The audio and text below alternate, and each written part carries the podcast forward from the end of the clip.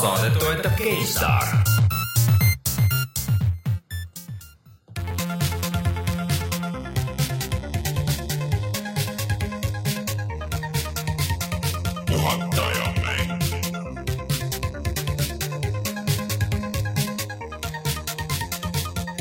tere tulemast, on üheteistkümnes november aastal kaks tuhat kuusteist ja on aeg puhata ja mängida. minu nimi on Rainer Peterson ja minuga siin stuudios äh, üle, üle mitme nädala Rein Soobel. ja Martin Mets. tšau. tore teid jälle näha siin äh, ja. stuudios. vajalik põikame läbi, minu minu Euroopa turnee sai nüüd läbi. ahah, nii, kus sa siis nüüd viimati käisid uh,? Amsterdam. Amsterdam mis siis Amsterdamis tehti? Äh, seal oli VR Days Europe ehk siis selline üritus, mis peaks kokku koondama kõik, äh, kõik Euroopa inimesed, kes teevad mm -hmm. virtuaalreaalsuse jaoks asju. ja võiks öelda, et koondas ka, sai näha seal igasuguseid huvitavaid vidinaid ja VR-filme ja HoloLense sain proovida ja. oi, tegelikult jaa. no, no sel-, ma ei tea, kas sa tahad praegu neid ära rääkida või jätame pärastiseks või? no ma võin tegelikult kohe rääkida äh,. HoloLens mm,, kõik teavad, mis on HoloLens, HoloLens on siis äh, AR-i ehk aumenteeritud reaalsuse, liitreaalsuse, see suur asi, mida kõik ootavad, et äh, virtuaalreaalsus on ju halb, et sa ei näe mitte midagi ümberringi, aga AR-is on see, et sa paned lihtsalt nagu need prillid pähe ja siis sa näed sealt läbi igasuguseid ägedaid asju. kas see siis näeb välja nagu, et Martini prillid, aga siis ta lihtsalt näeb sinna asju peale? ei, no on ikka natukene suuremad, see on niuke kusjuures see idee isegi meenutab BSVR-i, tal on mm -hmm. samamoodi, tal on nagu see üks peavaru ja siis on äh, nagu see nii-öelda visiir on siin mm -hmm. ees, millest sa läbi vaatad, ilmselt siin on mingi et see on arvut... rohkem ikka, on see kiivri moodi kui prillide mm -hmm. moodi reaalselt äh,? no ta on kuskil seal vahepeal. ühesõnaga, kui sa selget vastust ei ütle, siis juba ei no selles mõttes väga suur vahe oli, vaata kui sa, kui sa igast tech-messidel ja asjadel näed, kuidas äh, inimestele pakutakse VR asju, mida proovida, siis on see, et nii, mis, oota, ma panen sul tööle, nii, oota, mida sa näed, pane pähe, oota, läks käima või, oota, ma vaatan. siis nüüd on see, et sa saad inimest juhendada mm, -hmm. tee nüüd käega nii ja tee seda, vajuta sinna ja inimene näeb sind ja saab aru no vau, milline. aga seda siis teeb Microsoft ise praegu jah? seda teeb äh, Microsoft ise, seda küll demonstreeris siukse firma nagu SAP esindaja, mis on siis põhimõtteliselt mingi üks maailma suurimaid siukseid nagu äritarkvara mm -hmm. tegijad okay.. väidetavalt on üheksakümmend tuhat inimest töötab seal. vabalt. aga just mingid raamatupidamissoft'id ja mingi siuke mm -hmm. värk. mis tähendab põhimõtteliselt seda, et äh, see ei ole üldse nagu mänguritele mõeldud mm -hmm. asi praegu, selle peamine rakendus ongi see, et oo oh,, et ma mingi ma ei tea, parandan tehases mingisugust keerulist masinat või? seda ma rääkisin ka siin, et see on minu meelest kõige idekam nagu lahendus, vaata mingid tüübid kasutavad siiamaani neid äh, Google Glassi asju, mis on ju ka tõesti tegelikult tootmisest maas on ju mm, -hmm. lihtsalt, et see nägi nagu nii loll välja ja kõik see, kui sa tänaval käid. aga kui sa parandad näiteks lennukit, on ju ja sul on mõlemad käed on õlised ja inimeste elud sõltuvad sinust, et kas sa lappad kuskilt manuaalist või, või keegi ütleb sulle või sa ise nagu näed kogu seda silma ees seda õiget juhet on ju, mida sa pead ühendama või mitte ühendama, et siis. ütleme niiviisi, et kui inimeste elud sõltuvad HoloLensist, siis mul ei oleks eriti no, kõrgeid ootusi nagu.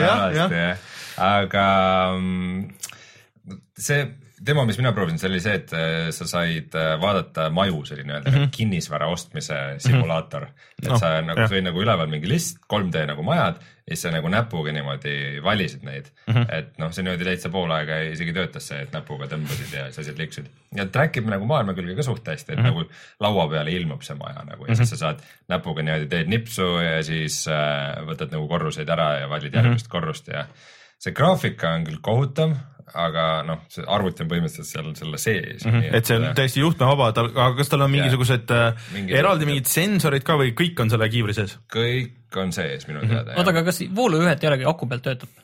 ma, minu meelest ei olnud mitte mingit muud välist okay. asja, et ta oli nagu täiesti kompaktne mm, -hmm. aga ta noh ta ei ole nagu ikkagi valmis tehnika mm.. ei, see on muidugi. aga see oli ka kui, nagu. kui nagu sellest räägib, räägib keegi, siis tavaliselt öeldakse, et FOV on ikka jube väike mm -hmm. ja see kõlab nagu mingi jube sihuke tehniline asi, asi, et uh, field of view ehk siis sinu vaateväli, et see, on ikka kitsas. et see, see kõlab täpselt sihuke nagu mõttetu tehniline nagu asi, millega mm -hmm. viriseda. mis see reaalsus tähendab, on see, et sul on kumbagi silma ees nihuke väike postmargi suurune ala, millest sa näed läbi mm -hmm. seda graafilist asja ja loomulikult, kui sa vaatad ringi, sa ei saa silmadega vaadata, sa pead peaga ringi vaatama mm, -hmm. pöörama kogu pead Jaa. ja siis sa liigutad seda postmargi suurust ala kumbagi silma ees kaasa, et et sa näed nagu ainult juppi sellest Ugh. graafikast, et äh, selleks, et näiteks ma mingit seda maja sain näha laua peal, ma pidin nagu oma pea nagu suht kaugele nagu mm -hmm. lükkama, et vastasel juhul nagu ta lõikas servad ära sellel juhul, eks halb nii et äh, ta on ikka nagu selles mõttes, ta on niisugune hea nagu Proof of concept TK1 noh, et äh, developer kit üks, aga ta ei, ta ei ole sihuke asi mm, -hmm. Mis sa läheks poodi ja ostaks nagu neli- kolme tuhande euri jah, nelja tuhande euro eest saab vist osta seda aga praegu. seda, mis seal, mis see kuradi mäng oli, mida sellega mängida sai, reklaamitakse, reklaamiti. ja vot see oli see Conquer mingi ko- veidrus ja siis oota midagi oli veel. mängida ei saanud Minecrafti või? ahah, Minecraft jah, jah. Ei, see oli ainult demos vist, põhimõtteliselt mitte no ma kujutan ette, et see on täiesti võimatu mängida neid asju niimoodi. mm,. jah, see ei ole kindlasti mängimise. et see on korraks nagu tore, et sa paned mingi viieks minutiks ette, ahah, et need tüübid tõesti jooksevad siin ja okei okay,, et saad kontrollida, et ma ei taha rohkem seda ma, kunagi ma teha. tahaks seda kahe aasta pärast uuesti proovida, ütleme Mm. niimoodi aga No- vahepeal ma ei näe selle no mina arvan küll, et praegu, et ongi, et see AR on nagu see tulevik selles mõttes, et äh, või noh, nagu selles mõttes hübriid, et sul on mingi ekraan. AR oleks äh, laiematele massidele suurepärane hüppelaud mm. VR mm., ei, aga aga, aga ma arvan, et selles mõttes hübriid, et sul on nagu mingi asi silmade ees, mis mingi hetk sa ei näe midagi muud peale selle, mis sul nagu näidatakse ja mingi hetk sa näed sealt läbi, kui on vaja, et, et noh, natuke nagu see Vive teeb, aga et see on veel ka sihuke toores lahendus Mm, see jah, Vive'i kaamerast rääkisime ka, et mitte keegi ei kasuta seda, aga siis ma sain proovida Vive'ist rääkides Vive'i seljakotis okei ehk siis äh, oli nagu spets niisugused arvutikomplektid mak- maksid mingi neli tuhat euri umbes, mis on nagu ehitatud selle jaoks, et, et äh, sa panedki selle omale selga mm. -hmm. sinna käivad akud külge nagu mm. -hmm. ja akusid saab muudkui vahetada ja siis äh, mängid Vive'iga niimoodi, et äh, jooksed. tänaval siis? mitte tänaval, aga lihtsalt Vive'i juures üks kõige nõmedamaid asju on see juhe mm, -hmm. sest noh, see, sa oled ka proovinud, eks ju kuidas see sul keerdub ümber jalgade ja, ja ümber kaela ja sa pead kogu aeg nagu mõtlema selle peale. et äh, kuigi nagu idee tundus nagu jabur mm. -hmm. algselt nagu, et oo, et kes maksab nagu neli tonni selle eest, siis äh, pean ütlema, et nagu lahendus oli ikka päris mugav. Mm, et äh, pärast nagu mõelda, et, et ma nüüd pean järgmine kord Vive'i kasutama niimoodi, et mul ikka jälle on see juhe keeratus, et nagu sealt sealt tagasi minna on ikka suht aga no seal on ka jälle see, et kes maksab äh, mingi neli tonni selle eest, on, ongi see firma, kes tahab näidata oma klientidele seda potentsiaalset nagu mingit äh, sisekujunduse või mingisugust erilahendust ja, ja ta paneb selle, ostab selle korra ära ja siis ta paneb selle äh, kümnele kliendile selga ja siis on põhimõtteliselt ära tasunud see juba. võib-olla mõnele ühele, kui jah, võib-olla piisab ühest onju, et aga ei no põhimõtteliselt, kui pappi on, siis nagu Jah. miks mitte. ja, ja siis veel igast väikest nipet-näpet, palju VR-filme vaatasin ja siis äh, äh, näiteks üks hüdrauliline rallitool oli Okei. äh, mis äh, oli ikka päris vägev, et mis nagu liikus vastavalt mängule Ahah. kaasa. et ähm, Assetto Corsat vist mängisin ja siis oli Oculus peas mm, Mhm. -hmm. roolist oled kinni ja siis sõidad seal ja nagu see nagu liikus üles-alla ja külje peale mm Mhm. -hmm. ja nagu niimoodi järsult ja umbes, et vot kui, kui nagu pidurdad järsult, siis tõmbas ette nagu täiega nagu näoga, nagu näoga vastu täitsa Ahah. sinna ja siis see oli. süda ei läinud pahaks. ei läinud, absoluutselt. Kusjuures tegelikult see peaks ju just võtma vähemaks selle. vähem, sul läheb vähem, et sellega ei olnud nagu mitte mingit. loomulik liikumine on kaasas nagu selle liikumisega, mida sa näed ekraanil. see kõik mõjus nagu väga naturaalselt ja mm, lahe, nagu väga lahe, niuke jõhkrat vau-efekti ei olnud, aga see oligi see, et see oli nagu nii naturaalne või mm. kuidagi. noh, sa oled juba nii palju neid proovinud ka, et olekski nagu natuke veider, kui sa nagu naljakas asi oli see, et äh, kui rooliga mängida Ahah., siis on see, et äh, kui sa näed ka oma käsi nagu veidike kokpiti ja näed nagu kahte kätt, mis hoiavad roolist kinni mm. -hmm. et siis on kõik okei okay.. aga siis on see, kui sa nagu keerad rooli, vaata niimoodi üle mm -hmm. käe, siis, siis järsku kaob illusioon ära, et need on sinu käed nagu siis mõtled, kelle käed need on. et äh, kui endal oleks täpselt sama värvi riietus ka ja nagu kõik see mm. -hmm. kui sa võtad sellest roolist kinni, siis see mõjuks tegelikult palju ägedamalt. aga sa ütlesid, et sa nägid, ma nüüd täiesti korraks lähen teemast välja, aga nägid siukse mehe nagu Phil Tippett loengut, kes on siis legendaarne füüsiliste praktiliste efektide mees, on teinud Star Warsile ja, ja. Jurassic Park, Starship Troopers. The Thing ja vist ja või okei okay,, sorry, see oli Rick Baker. No igatahes miljonile asjale, et ja kuidas ka, see oli ja? ka uus selles Force Awakensis on Jah. hästi ta näitas making of'i põhimõtteliselt. Force Awakensis on, on üks väike kaader, kus nad on selles vanas selles Millennium Falconis. Millennium Falconis ja siis äh, musta nahavärviga peategelane paneb korraks selle käima ja paneb kohe kinni nagu et kuidas äh, kõik vana crew aeti kokku selle ühe väikse kaadri jaoks ja kõik need. see holochess siis? jah, see holochess, et kõik need nagu need vanad äh, mudelid otsiti üles, neist tehti koopiad ja siis tüübid seal jändasid hullult kaua ja siis lõpuks ongi mingi millisekund mingit kõrvalasja lihtsalt. see on äh, tested.com'is on see video minu meelest olemas, need tüübid. üks, üks, äh, üks see Mythbustersi tüüp oli ka seal mm -hmm. videos jah mm. -hmm. aga jah, ta teeb ka VR-i praegu, teeb äh, praegu, toodab just nagu niisuguseid VFX asju ühe Hiina suure firma jaoks, kellel olevat rohkem raha kui jumalal tema enda sõnad siis Hiinas on vist väga populaarne, et sul on mingisugused äh, 4D äh, kinodes on mingid, mingid need tõumid ja, ja, ja. kus, äh, kus siis sa nagu sõidad ringi ja. pritsitakse asju ja puhutakse ja kõik jah. jah, et igasuguseid, noh, kuna nad ürit-, Hiinas on väga suur see nagu riigi poolt see riigi poolt finantseeritud linnastumine mm, -hmm. et maalt läheks inimesed linna, siis on vaja nagu linnadesse teha neid meelelahutuskeskusi mm -hmm. ja asju nagu, mis pakuvad neile seda meelelahutust, et okay. kõik olid kõik oli sügaval äh, selle Hiina mütoloogia juurtega nagu, et kuidas see kõik on ja.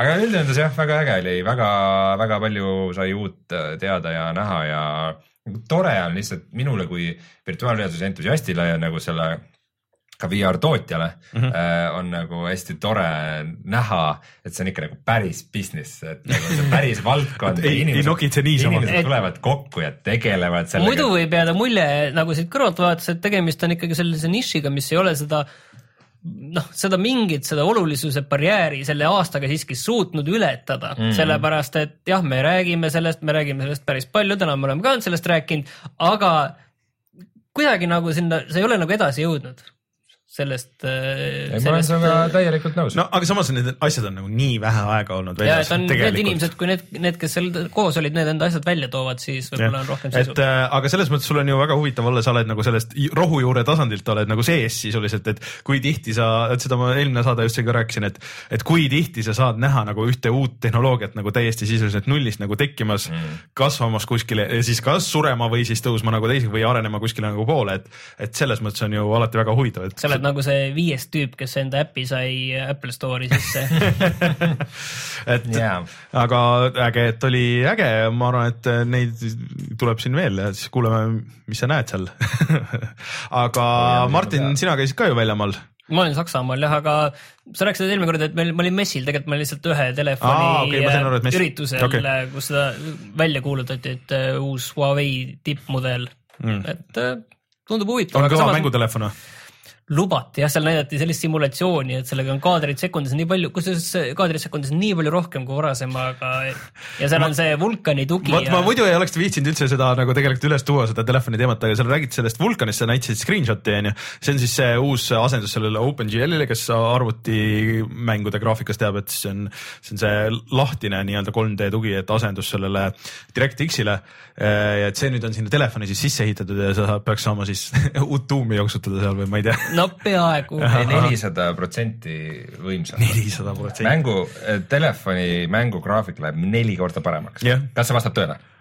no ma ei ole tegelikult ühte, ühtegi mängu veel sellega proovinud ausalt öeldes ah, ühte huvitavat infojuppi kuulsin ka ühest loengust, et uh, üks Sony's töötanud tüüp ütles, et uh, PlayStation VR-i töötati välja mingi viis aastat ehk siis ammu enne mm., kui Oculus no see Morpheus oli juba ju kaks tuhat kaksteist või mingi juba väga, väga ammu oli tegelikult juba ju teema. Mm., see või selles mõttes no see, mis oligi selle PlayStation VR-i eelkäija, see oligi ju mingi ka mingi need, see personaalne ja, viewer või kuidas seda siis äh, turundati natuke teistmoodi. kaks tuhat euri või midagi siukest, äh, lihtsalt ainult see ekraan.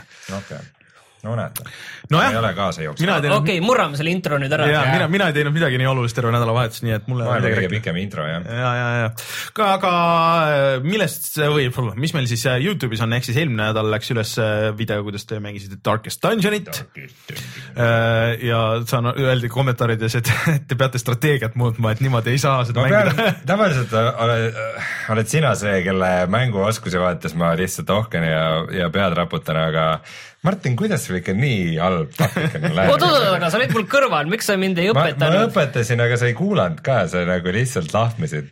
tegelikult see oli tõsi, et ma jäin nagu väga sinna lahmima, aga samas see mõnes mõttes nagu väljendab minu suhtumist sellesse mängu, et ma alguses tõesti proovisin, aga, aga see mingil hetkel läkski selliseks lahmimiseks ja, ja siis ma, kui me seda filmisime, siis ma olin juba niiviisi, et äh, saaks selle ühele poole, klõpsiks midagi ruttu ja see ainult venitas seda kõike. No, täpselt, siis ei liikunud nagu asjad üldse et see ei olnud väga dünaamiline ja tore See- video, aga see on see, et- see mõnes mõttes esindab seda mängu teistpidi väga hästi. Tava, tavaline strateegia ikkagi on nagu see, et ründa kõige pehmemaid tüüpe enne, mitte seda suur, kõige suuremat kolli, sest ma pärast mis mõtlesin, mõttes see suurem kõigepealt maha, vaata see. ei, ei, ei, Martin, isegi mina tean seda, ma olen RPG ei, nii palju mänginud, et kõigepealt võtad väiksed maha, sest et sa teevad sulle chip damage'it nagu nii palju ja panevad sulle mõned, mõnes mängus veel panevad sind ja noh nad veel või kuidagi hiilivad, nad hiilivad suuri ka veel. ja võtad väiksed ja nõrgemad. persona neli Goldenis ma olen väga hästi saanud sellega, et ma võtan kõigepealt äh, selle suure maha. No seal võib-olla on teistmoodi, aga see toimib, üldiselt see toimib ainult siis, kui sa oled väga kiiresti surema. no ma, okei, ma muidugi, kui me räägime siin. mingitest pikast sellisest asjast, mis hakkab jah nagu, siis on tõesti jah, sa võtad need maha, aga ütleme niiviisi, et kui sul on nagu selline nüüd, et kahe käigu korraga saad selle suure maha võtta, sa võtad selle suure maha ja siis need väiksed teevad sulle nii vähe viga, et äh, sa võid nagu selle üle elada. aga tegelikult sul oli üks skill äh, sellel maagil, millega oleks pidanud, ma pärast hakkasin mõtlema seda, et, et sul oli maagil skill, millega saad juurde tõmmata nagu vaata mm. -hmm. sa ei saanud muidu rünnata, sest nad olid Oleks pidanud selle taga tagant eest ära tõmbama, sa oleks pidanud selle ette tõmbama ja siis mm., et jah, ma Okei. arvan, et äh, kui see mingi expansion asi tuleb, siis sa peaksid uuesti ei taha, ei taha, mul on huvi ka kogu. oma surnuaia, sul tõesti surnuaias mingi nelikümmend tüüpi või? aga aga mis meil see nädal tuleb? jah, tahtsin öelda, et äh, ka paljud ründavad ja võtame kõigepealt väiksemaid maha ja siis suuremaid, ehk siis, et äh, me mängisime Reinuga Gears of War'i. Gears of War nelja siis ja see on nüüd esimene video meie kanalil, kus on niimoodi, et äh, pool videot on äh, või noh, noh, see ei ole see on nagu selles mõttes jah, vaheldumisi PC ja Xbox. One, siis me saime koos mängida et äh, mina mängin Xbox One'i peal, kuigi ma tegelikult suurem osa mängisin äh, arvuti peal, siis äh, ja Rein mängib arvuti peal ja siis videos siis vaheldub erinevad vaatenurgad ja saab nagu natuke võrrelda, et kuidas see graafika välja näeb siis ühe peale, teise peale, aga nii palju, kui ma nagu vaatasin nagu isegi kui see jookseb nagu ühest teise niimoodi suhteliselt kiiresti, noh, siukest vahe ei ole nüüd nagu nii suur, et see kuuskümmend kaadrit versus kolmkümmend kaadrit muidugi on suur. enda huviks lihtsalt äh, ma seda videosse nagu ei hakanud eraldi testina panema, aga enda huviks ma panin äh, cutscene'id kõrvuti mm. Mhm. -hmm ja siis on ikka näha, et äh, vähem detaile on ja teine asi on see loomulikult see, et äh, kui ma nagu monteerin, siis ma nooltega liigun nagu edasi-tagasi mm Mhm. -hmm. nagu üks kaader korraga mm. -hmm. ja siis oli see, et ma nagu harjusin ära, et ma teen seda, kui ma seda õiget lõige kohta otsin mm, Mhm. -hmm. siis vahepeal oli sinu materjal ees ja siis ma mõtlesin, miks ainult nagu kahe liigutuse peale edasi läheb nagu, mis värk sellega on, sain aru, et sellel on ju poole vähem kaadreid. ja, ja siis me lõpus mäng, mängisime üksikmängu ja siis mängisime seda horde mode'i mm. -hmm. isegi nagu päris lõpuks päris kaua. ja see oligi see, et me tegime nagu video tegime ära ja siis mängisime natuke edasi, aga siis läks nagu, hakkas paremini välja tulema ja läks päris pingeliseks. lõbus oli ei, see on, see on tegelikult lõbus ja tegelikult see oleks muidugi eriti lõbus, kui meil oleks mingi crew, et see täis crew ja seal ja me läksime tegelikult äh, suva skill'idega, me olime mõlemad vist soldier'id, et kui oleks nagu ma olin heavy. sa olid heavy jah? mina olin soldier, tegelikult oleks võinud olla scout või mingi tüüp, kes saab boonuseid, kui korjab nagu seda raha veel ja on nagu natuke kiirem, et oleks pidanud nagu neid asju veitsa vaatama ja neid äh, kaarte, et mida sa saad panna noh, nagu boonustena. et siis meil oleks võib-olla paremini läinud seal, aga noh, alguses saime nagu kohe muidugi surma, aga, aga selles selles, selles mõttes muidugi on see, noh, see horde mode tundub väga fun nagu sõpradega koos mm -hmm. mängides, aga see on alati nagu nõrk argument, et nagu on vähe mänge, mis sõpradega koos Tõsi. mängides ei ole ägedad. tõsi, et äh, ma ei tea, see horde mode, ma olen isegi noh, mängisin mingi paar raundi mingite suvalistega onju et see on nagu isegi siis on täitsa okei okay,, et kui kõik enam-vähem nagu koordineerivad ja, ja, ja, ja ei lenda nagu kõik nagu sinna peale, et siis on nagu päris tuus, aga, aga mulle nagu mulle natuke meeldib ja ei meeldi see, et sa pead vahepeal jooksma ja seda raha käima korjama, et see ajab sind nagu sellest mugavustsoonist välja ja keegi peab nagu kogu aeg nagu tegelema sellega, et see raha sealt hukka ei läheks ja ära ei kaoks, onju. aga siis teisest küljest nagu sa ei saa seda nagu oma baasi ehitada ja siis see läheb nagu kaootilisemaks ja sa ei saa nagu siukest noh, ma ei tea ei ole siukest eh, kamraaditunnet nagu see, et sa liigud seal ja üldse nagu kuna vanemates kirjades oli nagu rohkem vastaseid nagu erinevaid. vot siin on, sulle ei tundu, et see on nagu suhteliselt mingi käputäis vastaseid tegelikult. kampaanias ikka väga korduma. ja Gears of War kolmes näiteks, noh, sul nagu neid lõpuks neid mitu levelit, sul neid suuri kolle on, kes tulevad ja neid on lihtsalt nagu nii palju ja seal veel variatsioone nagu nendest tüüpidest. et äh, siis nagu selles mõttes on juba huvitavam, et sul lõpuks tulevad need mingi mitu seda mingi kahekordse maja nagu suurust tüüpi ja siis sa üritad nagu nende vastu ellu jääda, et see on nagu väga tuus. lisaks veel nagu need äh, väiksed, sul on sellised paar nagu suuremat tüüpi ja siis on noh, need suuremad, need, need skorpioni kollid ja see ei ole nagu nii äge, et, et või noh, ma ei tea. ma mängisin mingi kümnendani, siis tuli küll üks suur koll ka, vaata mm -hmm. see, kelle seljas äh, ratsutab nagu ja kelle mm -hmm. kätest tulistab. no jah, aga ikkagi, mulle ikkagi tundub nagu vähe oleks või ma ei tea, ja see, see, see mode võiks ka ikka olla, mis see nagu... kuidagi poolik mäng tundub. no ei, mitte siukse poolik, aga lihtsalt äh, story on väga poolik okay., ma mäletan, et see siiamaani mul läbi teinud. ja mul on sealt jah, äh, viis, viis kahest ei ole, ei ole veel jõudnud. aga, aga see, mm, et see teistpidi horde mode oli ka nagu äge, see beast mode, kus olid nagu koll ja siis äh, ründasid, et äh, inimesed olid bot'id tegelikult, kes äh, nagu kaitsesid mingisugust, mingit baasi mm. ja siis sa ründasid kollidena, et sa said suhteliselt kiiresti surma, aga siis sa said kohe nagu spoonida järgmise kollina ja sa said nagu boonuseid ja, ja ma ei mäleta, kuidas see täpselt seal käis, et mm,. see ei olegi versus või? ei, mitte versus niisugune alternatiive. jah, et sa said olla igasugused need tüübid, kes nagu maa sees tulevad nagu mingid ussid ja nagu mingid kõik need siuksed tüübid no,. Okay, et, et see oli väga äge kolmandas peaks tegelikult see kolmandas mängima ükskord hoopis. see oli kolmandas, see oli kolmandas, neljandas ei ole seda. et äh, see on näiteks puud, aga video peaks olema äh, saate lõpuks. saate lõpus paneme laivi. et äh, saate nelikümmend minutit vaadata, kuidas me mängime Gears of War'i. ei no selles mõttes see, see nagu video arvustus nii-öelda või tutvustus on kakskümmend minuti, aga siis me lihtsalt mängisime kakskümmend minuti edasi. kommentaarid jätsid ka alles. nii lõbus. ikka jah. jah, me rääkisime igast muid asju küll, aga, aga okei okay.. väga muud asjad lõikasin välja Nonii, saade on pool tundi peal olnud, millest me täna räägime? Millest me täna räägime? millest me täna räägime, räägime näiteks äh, Rein, nii äh,. meil on siin laua no, peal üks äh, suur juustuburger nimega ja. Playstation neli Pro ehk siis kolmekordne juustuburger mm.. Äh, kõige uuem Playstation on nüüd väljas, täiendatud versioon, me ei ole seda jõudnud. selle aasta viimane aga küll aga me võime seda vaadata ja öelda, et on jah. nii, see on kõige uuem mängukonsool kuni homseni. sisuliselt jah, homme tuleb veel uuem mis asi? Nintendo mini, NES mini. Oh nice aga. miks mul seda ei ole juba tellitud? Äh, vähemalt üks on tellitud, neid tuleb Eestisse päris vähe, nii et ma ei tea. ma tahan mõlemat millest me veel räägime? mis meil veel kohe tuleb? Dishonored kaks, Watch Dogs kaks Assassin's Creed'i hardware. see tuleb kusjuures samal päeval, mille Watch Dogs, et Ubisoft paneb ühele päevale kõik viieteistkümnendale novembrile no,. ja, et Watch Dogs kaks ja see Assassin's Creed'i, see siis oli teine, kolmas, neljas vist. No, vali ise, mis äh, avatud maailma mängu sa tahad ja. neli tükki ühe korraga siis oli BlizzCon just, kus Blizzard rääkis siis oma Diablo, Overwatchi, Starcrafti ja Warcrafti seeriatest. Ähm, tundus väga ebahuvitav, pean tunnistama. väga vähe uudiseid, aga midagi ikkagi Äh, siis me mainime ühte Eesti firma mängu, üks Warfare'it väga-väga väga ja siis räägime veel Call of Duty'st, Titanfallist, metsade kaitsmisest, Hitmanist ja Alone with you'st. võib-olla no tuleme kohe tagasi ja siis räägime järjest nendest asjadest.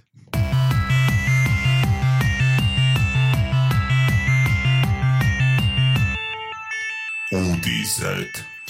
no räägime sellest äh,. võtame, võtame sellest asjast, räägime sellest, mis siin laua peal on. räägime jah. korraks üle täpselt, mis asi on Playstation neli Pro, mis ta siis nagu nüüd vahet on selle näiteks selle viimase siis tava Playstationi mudeliga, mida tuntakse ka Playstation Slimina. sada eurot mis on tegelikult väga vähe. tegelikult on vähe jah, et kui selle päris selle saab kolmesajaga kuskilt, sa saad selle viiesaja gigase mm -hmm. PlayStation neli Slim viissada giga maksab siis kolmsada eurot, no enamasti Eestis natuke rohkem. kolmsada viiskümmend ütleme. ja siis see terabaidine versioon maksab äh, kolmsada viiskümmend kuni nelisada kuskilt seal ja siis see maksab äh, nelisada nelikümmend üheksa, aga selles on siis terabaidine kõvaketas mm, -hmm. et mhm. tegelikult äh, see maksab peaaegu selle hinna, mis mingi aeg tagasi maksis see tavaline PlayStation neli mm, -hmm. millel oli see üheterane kõvaketas. okei okay., ja lisaks äh, ta on, ta on nüüd, ta on ikka jupp maad, kui te vaatate videopilti, siis näete, kui ei vaata, ta on ikka no ma ütleks, et äh, üks kakskümmend viis protsenti suurem nagu tervikuna sellest, et ta on nagu. no maagiline, maagiline oleks öelda nelikümmend protsenti, sest see võib tähendada ükskõik mida just, et tal on nagu üks, äh, üks kiht on juures ja ta on nagu natuke laiem, mulle tundub ka ja. vist. Mm, aga mis siis veel saab, äh, ma vaatasin siin taga, et neid porte, et siit saab juurde ka selle nüüd optilise, mis oli puudu, kui kellel on, kellelgi on sihuke receiver, mis võtab vastu ainult optilist, seda ruumilist heli, siis muud pordid tunduvad olema samad et ma nagu ei näe, et oleks juures midagi. Äh, äh, kas taga, taga oli üks USB ka? HDMI ja üks USB, kas teisel ei olnud? vaat taga ei olnud, vaat see oligi see Aa. asi, vaata, et kui sa tahad endale seda no mis iganes asja. jah, et sa tahad sinna, et ta jääks sulle ette tilpnema, et sul mingi asi, mis on kogu aeg seal no näiteks küljes. see mm, noh pultide laadija mingi dok yeah. või mingi asi onju mm. -hmm. Äh, aga ja muidugi ta on võimsam eh,, kaks, kaks, natuke rohkem kui kaks korda võimsam siis kui äh, originaalmudel mm. -hmm. ja selles mõttes, et see on mõeldud küll nüüd peamiselt 4K telekate jaoks, et ta suudab, nii mõnigi mäng jookseb nagu päriselt 4K-s äh,, näiteks Skyrim äh, näiteks noh, see uus versioon nüüd siis, siis äh, The Last of Us, aga kolmkümmend kaadrit yeah.. no see ongi kõik, peaaegu kõik on kolmkümmend kaadrit. aga mõned on ka kuuskümmend, seal oli vist see, mitte mõned, okei okay,, neid on väga vähe, et mingi selline pealtvaates vaata selline no, jah. ja autode väike, väike, mm -hmm. mingi autod, mingi mm -hmm no mingid siuksed indikad pigem, aga suured mängud, äh, kui jooksevad 4K-s, äh, siis jooksevad pigem kolmekümnega ja suurem osa ei ole siis nagu päris, no lihtsalt mingi väikeste trikkidega suurendatud siis äh, suuremaks ja, ja täidavad selle, kui sul on 4K ekraan, täidavad nagu vähe paremini ära, kui see lihtsalt tavaline full HD pilt mm.. aga paljud aga... mängud jooksevad ka just. tegelikult kõrgema eraldusvõime peal kui full HD mm, -hmm. näiteks äh, need olid vist tuhat kuussada B, tuhat nelisada nelikümmend B, et äh, on kõrgema eraldus või selle loomuliku eraldusvõime peal ka mänge, mis jooksevad. jah, et ja see nagu tõmmatakse väikseks tagasi ja pilt, isegi kui sul on tavaline lihtsalt full HD ekraan, lihtsalt näeb oluliselt parem välja. Saab sampling on vist selle nimi tegelikult inglise keeles. ja noh, ka lihtsalt nagu puhtalt visuaali rohkem ilusamat ja nagu stabiilsemat, näiteks Titanfalli ja asjad, mis, millel on see dünaamiline resolutsiooni muutus. et hoida seda kaadrisagedust, et siis seda toimub nagu vähem, et sul kogu aeg on asjad full HD-s ja kõik muidugi kõik mängud peavad seda eraldi toetama. Äh, kui mängudel eraldi siukest patch'i ei ole, mis seda lubab, siis, äh, siis midagi nendega ei juhtu. sellest otseselt nagu mm -hmm. kasu ei ole. Äh, vaata sealt viskada, seal on see list, list oli mul ees, et mis, mis mängud praegu, kui sa lähed homme näiteks poodi ja siis ostad selle ära, et mis mängud seda siis meil toetavad? no need kõik uued tulistamismängud näiteks on nagu Battlefield üks mm, -hmm. Call of Duty, näiteks Dishonored kaks näiteks. tuleb ikka natukene tagasi ka, vaatan Call of Duty Black Ops kolm ja mm. -hmm. ja, ja no, näiteks Shadow of Mordor on ja, ja see nimekiri oli päris pikk. mis ma nagu tahaks nagu, ma julgeks nagu öelda sellise asja, et, et mis ma olen, kui ma olen vaadanud neid äh, mänge, mis saavad selle patch'i et kui sa mõtled nagu PlayStation VR-i ostmise peale, siis mul on tunne, et VR-iga tuleb parem kogemus, kui sul on see Pro. kindlasti, aga praegu nagu naljakas ongi, ma mõtlesin, et äh, kõik VR-i asjad nagu toetavad eos seda, aga ei toeta. tähendab selles mõttes, et vaata, sa lähed väga, väga sellisele õhukesele jääle, et ei toeta seda no,. kõik töötavad täpselt sama hästi küll, nagu seda, originaalmudeliga, aga, aga nad ei anna midagi juurde. et äh, vaatasin just, et siin nimekirjas näiteks oli see asi, mida me kirusime palju, ehk siis äh, Drive Club VR, aga kui palju ta nüüd juurde annab, seda ma hetkel ei oska öelda, onju. Mm. aga äkki ta ongi tegelikult selle jaoks tehtud no, tahad veel äh, see Res Infinite muide mm, yeah. jookseb ka seal maksimaalse eraldusvõimega mm, -hmm. et äh, ma saan aru, et see 4K jah, kuigi mm. kuidas see siis sinna ekraanile teha, kuvatakse selles mõttes, et see. tõmmatakse alla tagasi. ekraan on ju sul full HD. aga, aga see scale itakse tagasi ja Res on nagu sihuke asi, kus see sihuke anti-alias ja nagu kui see tõmmatakse väiksemaks tagasi, see annab sulle nagu pigem juurde, see pilt läheb ilusamaks ja nagu teravamaks teistpidi mm. -hmm. et see. Downsampling. jah, downsampling nagu jah, aga Martin mis sina arvad? kas meil nüüd on nagu selle aasta jõulude võtmes käes nagu see konsool, et kui keegi küsib, et oo oh,, et ma nüüd tahaks osta konsooli. et sa ütled, et näed sada protsenti, kui sa tahad see aasta minna osta ja mitte ära oodata siis seda mingi Scorpiot või mis iganes see järgmine aasta on.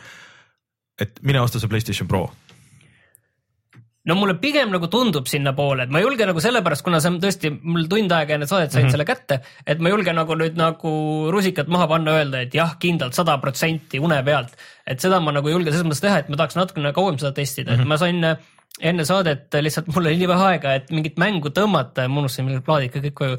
et äh, siis ma lihtsalt tõmbasin Batman'i mm, -hmm. sest see oli piisavalt väike, see Batman Telltale'i Batman mm, -hmm. et äh, mul see originaalmudeliga teeb äh, noh, ikka kuulda on, kuidas sahiseb ja mühiseb, on ju, võtab ikka mm -hmm. tööle selle masina, et praegu see oli vähemalt täiesti vaikne.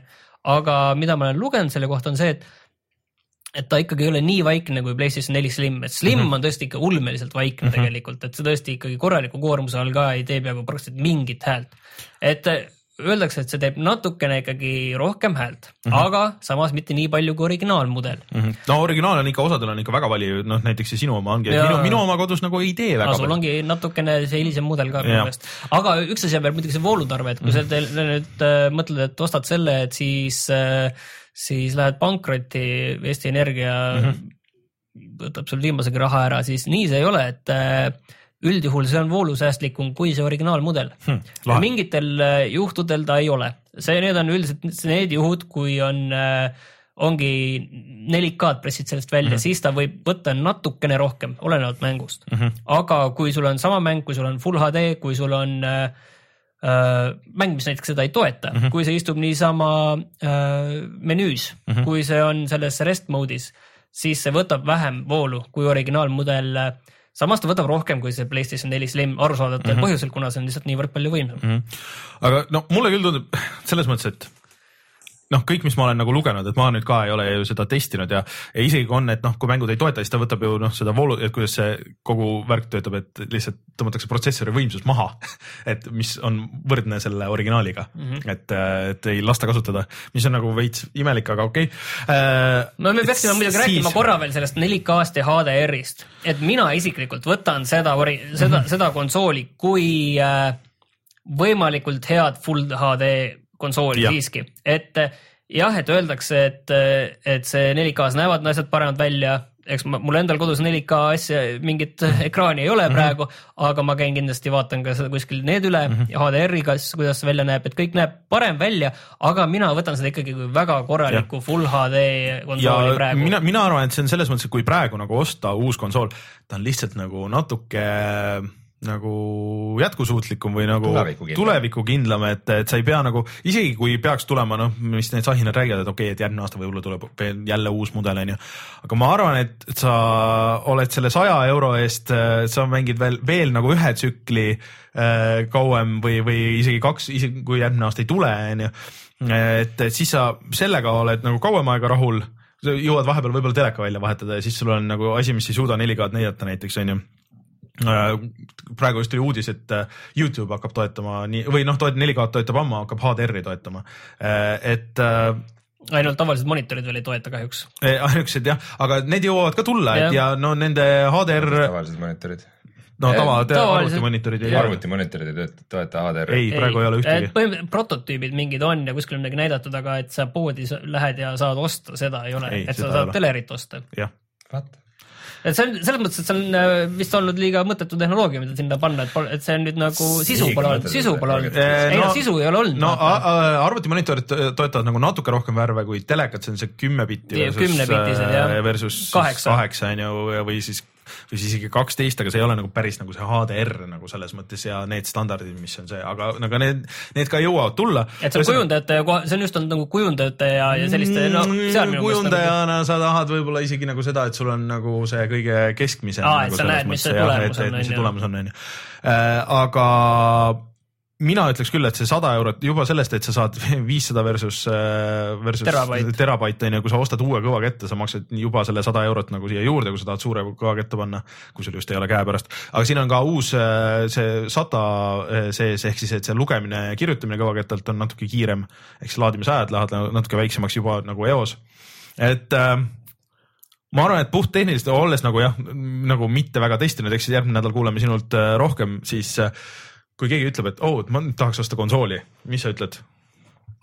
Vist tõenäoliselt seda mina, pean mina arvan ka, ma ütlen, et eh, noh, kui mingit väga-väga mõjuvat põhjust ei ole. jah, ütleme, et kui siin ei tule nagu välja nüüd, et äh, mingi kohutav viga on seal juures, et see alles täna tuli välja, et, et äh, siis tõenäoliselt on jah, et see minna mm, -hmm. et äh, kui muidugi, oleneb muidugi palju sa mängid, ma ütlen, et mina ütleks seda, et kui sa ikkagi ei mängi nii palju ja sa oled lihtsalt piisavalt casual ikum ja sa tahad seda muidugi seda Play- Playstationit saada, siis Slim No- või no. no see slim on, slim on ainult siis, kui sa, kui sa oled see mees, kes ostab aastas korra selle FIFA onju. no kolm mängu on noh, no, jah kätte, saada no aga siis on ka. ja sul ei ole väga oluline, kas, kui, kui see graafika detail oleks No no, täitsa põhjas, vaid. aga see on ikkagi nii ja naa, et kui sa oled nagu siuke mängu, kes sa ostad, et sa ostad nagu selle kolm mängu, aga need kolm mängu on nagu need kõige suuremad blockbusterid, et sa ostad aastas ostad, ostad äh, Uncharted'i ja, ja ma ei tea, noh, Call of Duty võib-olla ostad äh, Battlefieldi ja ostad äh, mingi asja veel, siis tegelikult juba, juba nende mängudega ja sa mängid äh, multiplayer'it äh, palju see, et sul on stabiilne kaadrisagedus ja, ja resolutsioon, no see ikka on nagu natuke ikka eelis või noh, nagu et su, ma arvan, et see võimsus nagu tasub ära. ühe asja peaks veel ära mainima, mida meil kommentaarides ka räägiti, et et äh, kui sa nüüd mõtled, et sul on olemas juba 4K uus te teler ja see toetab HDR-i, siis äh, see veel ei tähenda seda, et äh, sul nüüd selle Playstationiga mängimine saab lihtne olema, et asi on selles, et kui need telekad umbes pooleks lüüa, siis pooltel telekatel see input lag ehk see Viive. si- sisu, sisendi viive et on äh, nii pikk, et see nagu mängimiseks ei, ole nagu Ei ole mõnus. mõnus. Et sa pead need et sa pead välja põhi, lükkama. põhimõtteliselt uurima, tähendab, sa pead, saad mängida jah siis, kui sa HDR-i välja Mhm. mm -hmm. lülitad, sest -hmm. kõik need annavad nagu neid kihte juurde, et kui sa lükkad 4K peale, kui sa lükkad HDR-i peale, et see kõik. see on ikkagi nagu sisu, HDR siiski sisuliselt on nagu suhteliselt efekt, et äh, ja kõik see vajab seda jõudlust, et Jõudlust seda ja aega. jah, esitada ja kui teleka enda jõudlust nagu. jah, teleka pildi. et see ei tule nagu nii-öelda tasuta, et see on ikkagi nagu mingi protsess, mis, mis tuleb teha protsess, mida ei pea tegema PS4, vaid selle ja, ja Selle siin ei saa ka öelda nagu väga konkreetselt, et näed, osta Samsungi teler või osta Sony teler mm. -hmm. või osta Philipsi teler, et see on isegi te telekati erinev, et see on nagu mudeliti erinev, Mhm. et tootjateni erinev. kas mingi sait tegi mingi suure listi vist selle kohta? ja me jagasime seda omavahel, me võime seda jagada ka kõigi teistega. okei selles mõttes, kuna ma olen just uut telekat ostmas, mul on väga vaja seda ja et, et ühesõnaga, see on nagu oluline, et tuleb uurida, mis oleks selle, see sisendi viive sellel teleril, mis sul näiteks on. et seda homse peab, saate alla paneme Facebooki lingi. sest et äh, noh, Reinule see on oluline, ma saan aru, et sa oled telekajahil, mis asi? et sa oled telekajahil ma olen telekajahil tõepoolest. Ja arvad, et lähed sinna 4K auku, jah? mulle tundub, et nüüd see juba põhjendab ennast veidikene, et varem oli see, et see 4K oli siuke gimmick, et nagu hästi palju rohkem maksad teleka eest, aga aga nüüd, kui sa suurt telekat tahad, siis ega valik ongi mitte 4K-s juba suht õhuke ja sellega juhtub vist nii nagu kunagi oli 3D prillidega, et see lihtsalt tuleb kaasa, kas sa Jah. tahad või ei taha. ei no jah, aga praegu saigi, ma vaatasin isegi need Sony selle aasta mudelid äh, olid viie, alla viiekümne viie üldse full HD-sid äh, või noh, tähendab üle viiekümne full HD mudeleid enam ei olegi, et kõik ongi 4K-d, et et kui sa tahad nagu natukenegi noh, tegelikult tänapäeval ja üldse 4K jaoks nagu see viiskümmend viis umbes niimoodi ongi üldse mõttekas minu meelest, kus sa üldse hakkad, näed seda vahet, siis siis äh, need hinnad ei ole nagu väga hullud, natuke üle tuhande saab tegelikult kätte, aga siis ei ole HDR-i, nii et noh, siin jälle on nagu see, millega, millega mängida, et kui oluline see. On. ega, ega igal 4K telekal ei ole HDR-i, see on veel eraldi ja siis muidugi see õige standard peab olema HDR-il ka, HDR kümme. rääkimata Oledist veel. sest selle uue Planet Earth kahe nagu No, esimese see- osa, selle tahaks ikka 4K-s ära ei, tõsi, tõsi, ma olen sinuga täiesti nõus.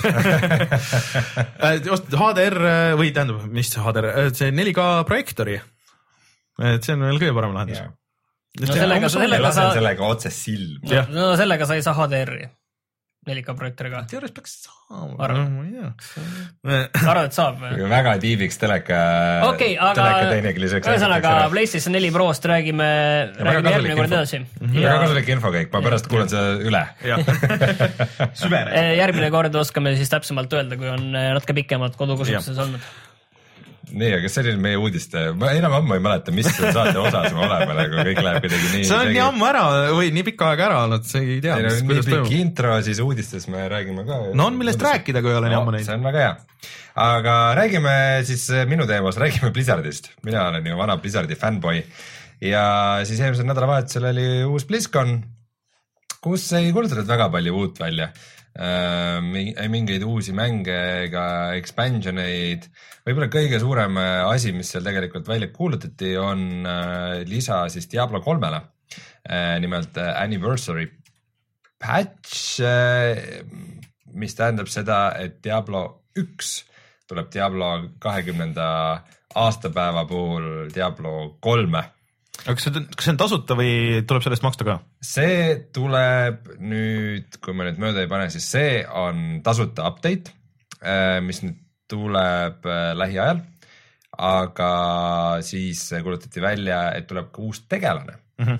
Necromancer, kes on tegelikult Diablo kahe tegelane Mhm. hoopis mm. -hmm ja see tuleb, tema tuleb järgmisel aastal tasulise mingisuguse patch'iga. aga ma sain aru, et äh, vist konsoolidele tuleb ka, vaata konsooli versioonid olid ju tegelikult suhteliselt edukad, et tuleb mingisugused uuendused, et tulevad need äh, season'id ja mingi stuff nagu. sa pead enda Ultimate Evil Editionile veel midagi juurde ostma või? ei, need on tasuta, lihtsalt Aa. neid ei tulnud, need PC peal olid need season'id ja värgid, mis vahepeal olid hull teema siin, kõik nagu eraldi käisid ja mängisid, aga et neid konsoolide peal ei olnud minu teada.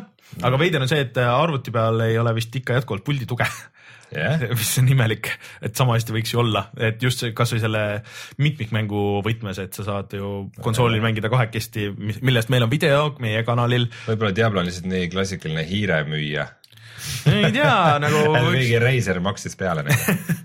aga no iseenesest tore, et nad toetavad seda, oli seal veel midagi, no midagi rääkisid Starcraftist, aga ma ei saanud nagu aru, et mis. Äh, Starcrafti kohta ma küll mingit uudist tähele ei pannud, aga tähtis uudis oli siis see, et äh, Overwatchi kuulutati uus tegelane. oot, oot, oot, vaata ma kohe, sa väga hästi selle sõnastasid, tähtis uudis mul oli tunne, et terve internet oli vahepeal täis seda, et Sombra seda, Sombra taga, juba kaks nädalat oli ammu teada, et Sombra tuleb kas see on, kas see on tõesti nii oluline või? Selles mõttes, see Sombra on niisugune naljakas asi, et äh, seda on kuidagi tilgutatud või sellele vihjatud või see on kuskilt lekkinud, et see Sombra on saanud siukseks omaette nagu miimiks. ja kõik on selle alla neelanud ja, Ja siis kõik kõik on seda kütnud ja me siin praegu ka võimendame seda. ma võtan järgmine kord välja, Overwatchi miimide skeene on ikka päris, päris ma, ma ja võtan järgmine kord erootiline fännart. Ma võtan, ma võtan seal, ma hakkan iga kord tegema praegu uudist sellest, kui Rocket League'i tulevad uued autod. Aga kas neil autodel on oma skill'id ja kas need muudavad mängitavust? ja need on, Rocket League'i autod on kõik erinevad, ei ole, ka omaduste poolest. ei ole, on, nendel on erinevad pöörderaadiused, erinevad eh, hitbox'id. ma ei usu sind. ära usu, ma võtan statistika välja, vahed on üliväikesed, aga aga on, seal on. see hitbox juba puhtalt visuaalselt on nagu, mis ajab segadusse. ükskord äh, ma kuskil mängisin mingi autoga, üks tiimikaaslane oli mulle vihane. Kuidas on võimalik, et sa mängid selle autoga, onju, et selle see pöörde, pöörderaadius on nii kehv. ja need vahed on palju tiibimad kui see, et sul Overwatchis üks tüüp oskab seda teha või teist või tal on see erioskus. Ta- Need on, need on sellised välja joonistatud multikalikud oskused. Rocket League'is sul on see võib üks sentimeeter siiapoole või sinnapoole. ta võib häkkida meetkit, et need ei anna helpi vastastele. Yeah. ja tegu on siis infiltraator karakteriga. fantastilised uudised, meil on eh, Diablos üks uus tegelane, meil on Overwatchis uus tegelane, me tegime selleks messi, te- messi, meil täis, meil rohkem mingeid uudiseid ei olnud. Warcraft kaks HD versioon. Nad ei, ütlesid kommentaarid. Ei. et ei oleks Mängitavus pole-. enam see. mis clickbait saite te loete? täiesti valeinfot jagate praegu. nii täiesti räägi. valgusta meid, palun väga. Warcraft ühe HD remake ei tule, sest selle mängitavus ei ole tänapäeval enam fun, oli algne uudis Okei. mis on sada protsenti tõsi No, no, olles mõni aasta tagasi mänginud läbi Warcraft ühe, kus sul ei ole isegi võimalik parem klikiga nagu tüüpi saata, vaid sa pead valutama äh, tegelase peale, siis valima liikumise käskluse ja siis klikkima sinna kohta. sama kehtib ka attack imise kohta. vanasti, vanasti ei mängitud hiir, hiirtega. kui sa paneksid sellele, selle patch'i, et selle mängiks nii nagu Warcraft kaks, siis seal ei ole väga palju mängitavust ja väga palju sügavust ja see mäng muutub kui me, kui me kunagi teeme hästi, hästi pika striimi, siis tegelikult see on üks asi, mida võiks mängida et koos, see oleks, ma arvan, päris see naljakas oleks. lõbus. peaks mingi listi tegema. Jaa. ma kusjuures läksin äh, Warcraft ühte pärast seda, kui ma Pane- olin Warcraft kahte mänginud. pane sinna, pane panen tundus, siia alla kirja, siis tundus jah. nagu päris veider olla tagasi Mänge, mida mängida. tagasi Burn nagu, Up Paradise pane ka. nagu, et tõesti ongi nii keeruline või? aga selles mõttes eh, miskipärast eh, siis eh, uudistesaidid tõlgendasid selle, et Blizzard ütleb, et lisaks sellele, et ei taha mängida seda Vanilla World of War- Warcrafti, nad ütlevad, et ei taha tegelikult mängida Warcrafti ühte ega kahte ka, et need on kohutavad mängud. mis ei ole tõsi, nad ütlesid number ühe mängitavuse kohta ja teie loomulikult oma kuskil no. feed'is läbi scroll ides. kui, kui sealt BlizzConilt tulevad nii mõttetud uudised nagu mingi, meil on siin üks teine tegelane, sinna tuleb mingi tegelane, siis hakkabki selline jama hakkab sinna, hakkab sinna jah. üles tõusma mingid sellised mõttetud uudised okay.. Need asjad ei tuleks välja, kui nad ütleksid, et näed, Diablo neli tuleb siis selline jama ei hakkaks kuskil tõusma ülesse. sinu lapselapsed mängivad Diablo nelja, Aga- aga jah, ühesõnaga rohkem BlizzConi uudiseid ei olnud väga. ja sellest selle Diablo kahe, Diablo ühe remake'i saab mängida veel Retrovisionis, et see kõik näeb väga piksline välja. aitäh nende uudiste eest, Rein. Äh, nüüd me peame sellest vist rääkima, ma üldse ei viitsi. oh poisid, kuidas Eestis selle mängude tegemisega on? tundub, et äh, ambitsioonikamalt läheb kui kunagi varem. aga vaata muidugi sellega on see, et kui mäng on Kickstarteris, siis see ei, ei tähenda veel midagi. mäng, millest me oleme natuke rääkinud, Overstep, mitte isegi ajada Overwatchiga mm., oli ühes Eesti selles äh, ühisrahastus äh, keskkonnas Fund- üleval ja äh, kus nad kogusid vist seitsekümmend tuhat eurot. kuuskümmend tuhat. midagi siukest jah, et üles panna Kickstarter ja see on siis selline mäng, mida tegid, tegid äh, esimese crowdsourcing'u, et, jah, et Kickstarter üles panna. crowdfunding'u, et Jah, teha Kickstarterit, selge no. see on No- no, crowdfunding, see on. Seal olid investorid. Crowd investing. et seal on nagu investorid saavad mingi raha tagasi, et ütleme, et see ei olnud nagu nii-öelda puhas raha neile, et nad lubasid vastu ikkagi kohe. aga nüüd neil on üleval ka Kickstarter ja siis see on siuke mäng, ja nüüd neil on ka mingid esimesed videod Jah, sellest mängust, et varem seda ei olnud. aga ütleme, mis mäng see on, see selles ma saan aru, et äh, selle jaoks oli vaja raha, et neid nagu esimesi asju Jah., esimest videot toota, et tegemist on siis mitte äh, mäng. aga vaata, ütleme ta, faktid. tasuta äh, mänguga äh, saab olema, mis on siis äh, FPS äh, siukse suurema mobiilsusega ja siis äh, nende ärimudel saab olema siis äh, kõik need juurdemüüdavad asjad, onju. aga nad toonitavad muidugi rangelt, et neil ei ole nagu pay to win mäng, et Mhm, kõik, et kõik on kosmeetiline ja blablabla bla.. noh, nüüd on need videod ja asjad on seal üleval ja ma olen jätkuvalt nagu sama skeptiline, okei okay,, võib-olla natuke vähem skeptiline, sest seal oli nagu päriselt mingid tüübid jooksid mööda seina ja seal nägi välja lihtsalt nagu sihuke äärmiselt äh, odav Titanfalli rip-off, aga, aga selles mõttes, et nad midagi teevad. midagi on päriselt Ja olemas. seal oli äh, nimekiri inimestest, kes sellest tiimist, kes seda teeb, ma vaatasin äh, nende ini- väli, väljamaa inimeste LinkedIn'i lehe, lehtedele ja siis äh, selgus, et üks tüüp on äh, selles, selles firmas äh, töötanud, kes äh, osaliselt tegi. Sumo Digital. jah, Sumo Digital ehk siis tegi selle mm, Little Big Planeti mingid jupid ja noh, Media Molecule tegi vist suurema osa ja Vita oma tegid täitsa jah, ja se- sellest Sumos sai üldse mingi teine firma, mul praegu ei meenu, tead midagi suhteliselt suurt praegu. et äh, on inimesed, kes, kellel on mingid kogemused, et äh, just mängude tegemisel, see on nagu okei okay., ta oli küll level disainer seal, mitte lead disainer, aga okei okay., et tal ikkagi nagu pikemalt on läinud äh, ja et seal on nüüd äh,, ei ole enam seda kohutavat Eesti häälnäitlemist, millest oli väga naljakas video alguses, et nüüd on see epic voice over guy, kes neid Youtube'i videoid teeb, see Honest Trailersit ja neid kõiki, et, et see mees on kuidagi seal, et kui piisavalt palju raha maksad, mingid sample'id olid seal all. Et neid nagu mingeid asju on, aga lihtsalt ma ei saa aru, et miks, kui sa peaks praegu tegema nii-öelda suure raha eest äh, mängu, et siis alustada siis mingisuguse ja riigis, kus puudub nagu kogemus ja see nagu struktuur ja, ja tugistruktuurid selle jaoks ja Pärnus on see väike tiim ja siis väga palju vist kuskil Türgis ja ma ei tea, miks sa peaks minema nagu nii Türgis ülekoormatud turule Türis?? Türgis.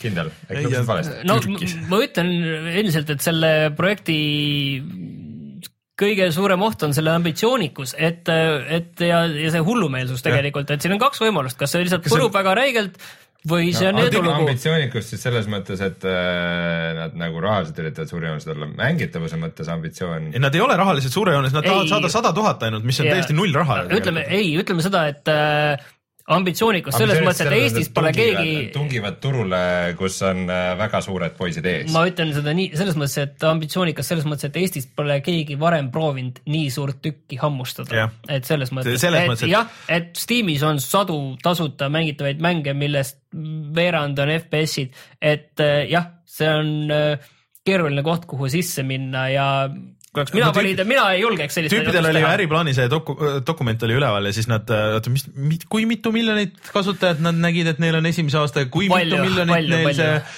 see käive on esimese aasta jooksul puhtalt sellest kosmeetikast, et see tundus nagu väga Fundwise'is ulmeline. äh, peaksid need paberid üleval ja olema, kui kui, kui vaadata, kuidas neil see raha on jaotatud ka, seal oli see graafik seal all, et äh, see kõige, et mängu lihvimine ja QA, et selle peale oli ette nähtud viis protsenti kogu sellest äh, rahastusest, mis on minu meelest äh,, sest mängu lihv on tavaliselt see, mis võtab äh, noh, sa teed selle suurema osa teed valmis ja siis sa kaks kolmandikku ajast lihvid seda, teed seda nagu polish'it ja, ja QA-d ja eriti siukse multiplayer mängus, kus see asi on nagu kõige olulisem ja sul on nagu need levelid ja sa pead nagu võib-olla tasakaalu. ja tasakaalu ja seda ühte nurka siita, et sa saaks normaalselt joosta või, või mitte joosta, on ju, mis annab ebaõige eelise ja nii edasi mul nagu natuke tundub, ma olen, see Rein jagas ühte väga head koomiksit nagu sellel, sellel võtmes täna, et äh, mulle tundub, et see on täpselt see stsenaarium mm. -hmm. et äh, kuidas sa küsid liiga vähe raha, annad äh, ebarealistlikult väikse aja endale ja backeritele, siis lubad kogu maailma lubad kogu maailma kokku, et sul on kõik multi Kui suured double- levelid double siis avastad, et sa pead pooled oma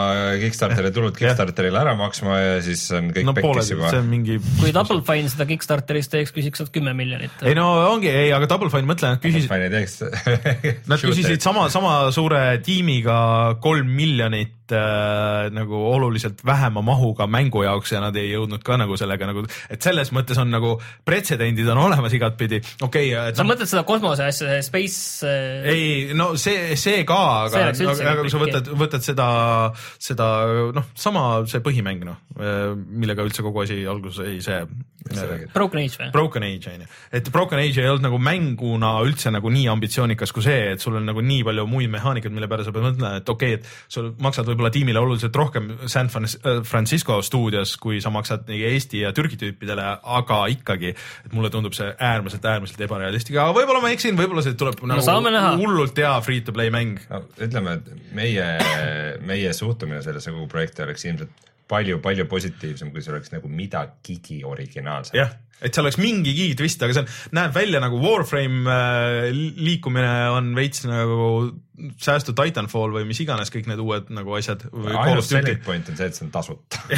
põhimõtteliselt ja siis sul on nagu väga-väga vähe selling point'e, kui see on ainuke nagu asi, miks inimesed viitsivad seda tõmmata, et, et äh, no, no ma Rein, sa tahtsid sellest väga lühidalt rääkida, aga Jah, me läksime. aitab, nüüd läks pikale jah, juba hakkasime liiga palju siin seletama äh,. siis me võime rääkida sellest, et nüüd see uus Call of Duty on väljas, minul ta on isegi osaliselt installitud. Aga mis versioon siis? kogu, kogu install on sada kakskümmend giga umbes ähm,.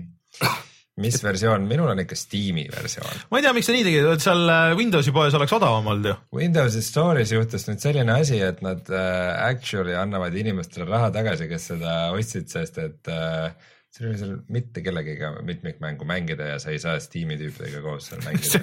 see on nagu nii absurd piirang, ma ei saa aru, miks. Äh, ütleme niiviisi, see on nagu nii rumal olukord äh, selle Windowsi mm -hmm. poe reklaamimiseks. kas, oot-oot-oot-oot-oot, ka kui ma oleksin seal Microsoftis boss, umbes saadaks seal mingeid hunniku töötajaid koju, ostke see mäng ja mängige seda kakskümmend neli seitse, et keegi seal oleks, et te näete, et ei tule, hullem asi on see, kui Neil- see neil on ka- stoor saab sellise kahju. Neil on ka ainuke müügiargument on see, et et okei okay,, et see on äh, mingi, mingi natuke odavam, mingi kümme-viisteist prossa odavam vist või.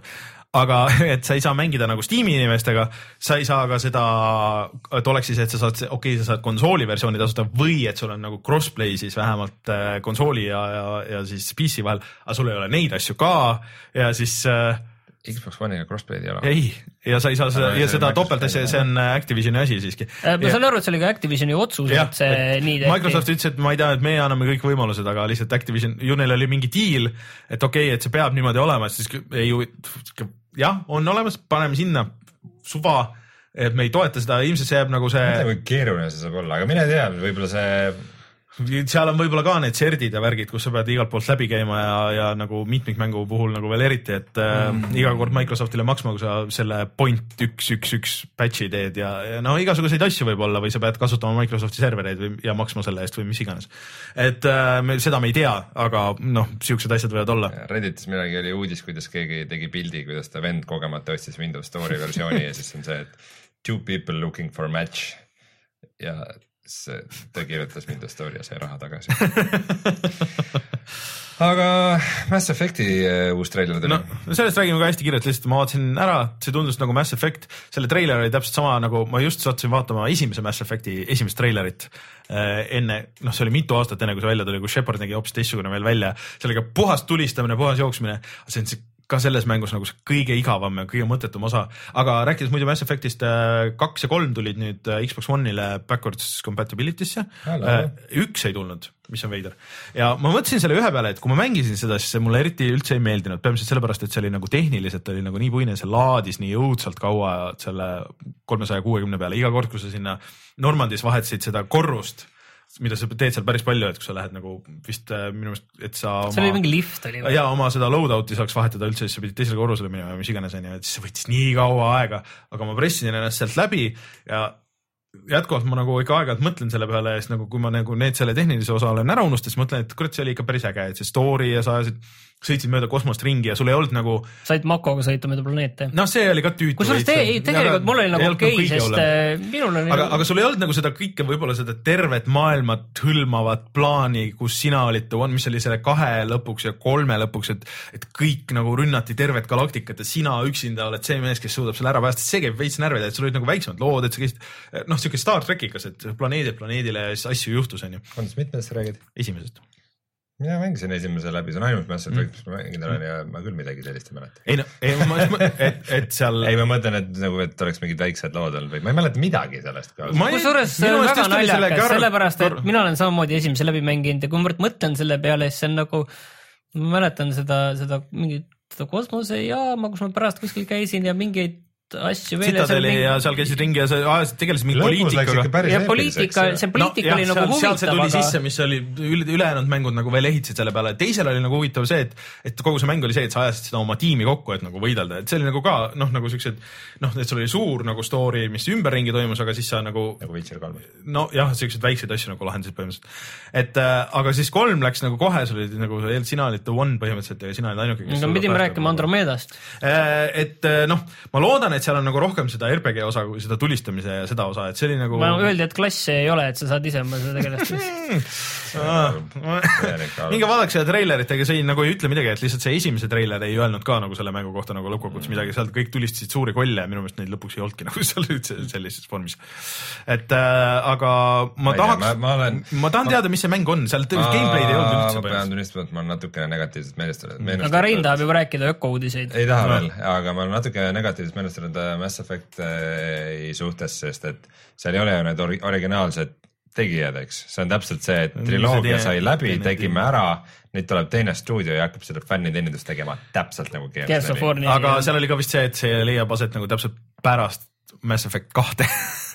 Et, et see on jah, kuidagi seal nagu vahepeal mingisugune side story, see ei saa nagu väga, jah, see on, on sketši, ma olen sinuga nõus, aga ma väga tahaks teada, mis see mäng nagu on lõppkokkuvõttes, et kui see on ikkagi sihuke, et sa käid nagu rohkem ringi ja räägid inimestega ja sul on võimalus nagu läbi rääkida ennast igalt poolt ja võib-olla mitte, et sa ei pea kaklema ja sul on mingeid power eid või noh, ma ei tea. ei tea, RPG ikkagi lõppkokkuvõttes ähm, story on see, mis otsustab mängitav no., mängitavus ka muidugi, aga, aga kui see on talutav, siis lõppkokkuvõttes on see, mis otsustab, on story mm.. aga lõpetame ühe väikse positiivse uudisega, et kui võiks arvata, et äh, mängustuudiote omanikud, kes oma äh, edukate tulistamismängudega väga palju raha teenivad, siis kulutavad kõik oma sissetuleku kullast Xbox'i kontrollerite ja kokaiini peale. oo oh, ei siis..., kõik ostavad autosid ju, see on ju vana lege. juba John Carmack ja, ja John Romero ostsid ju Ferrari'd kohe tuumi, tuumirahadega ja hea, hea graafikakaardiga arvuti ja Ferrari aga siis on hea teada, et alati see nii ei ole, näiteks Epic Games'i äh, kes on siis just selle Gears'i autor, mille video meil kohe saate lõpus üles läheb. Äh, selle Epic Games'i asutajaliige Tim Sweeney näiteks äh, ostis just viieteist miljoni dollari eest seitsme tuhande aakri eest, äh, ma ei tea, kui palju on aaker, ma ei tea, mingisugust metsa ehk siis seitsekümmend saja aakri metsa. ja, ja ostis selle. see on nagu referents praegu hea okei okay., äh, et äh, ja ostis selle mis iganes klausliga, et see läheb looduskaitsealaks, et äh, üks suur territoorium, kus on äh, ohustatud liigid ja mida ähvardas sest, sest arv-, arvuta nüüd kokku kõik need konsoolid, kui palju need nagu lõppkokkuvõttes energiat raiskavad selles energy saving mode'is. Äh. ilmselt oluliselt rohkem energia energiaks, aga lihtsalt see, et üks looduskaitseala jääb alles maailma, tõsi, see on alati tore. on. nii et äh, tore. See koht näeb välja nagu äh, Vanishing of the Ethan ma alguses Carter, vaatasingi, et see on Vanishing of Ethan Carteri screenshot siin, kui aus olla, aga ei ole. aga ei ole, see on hoopis päris maailm. aga tuleme siis kohe tagasi Reso, Reso on päris halb selle päris maailma. ja räägime, mis me oleme see nädal mänginud.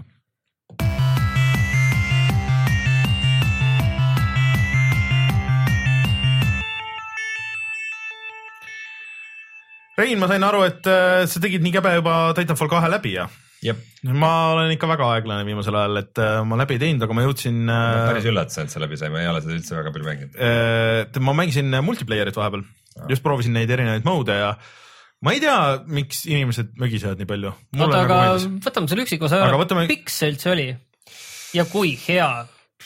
ma ei tea, kas Originis saab seda vaadata um,. ta ei olnud kümme tundi maks või? No ikka- ma millegipärast arvasin, et on kuskil võib-olla neli-viis tundi, Ei, ta on ikka- kümme tuleb ära, siis on päris ei, see on ikka maks äh, võimalik, et kas neli-viis tundi on.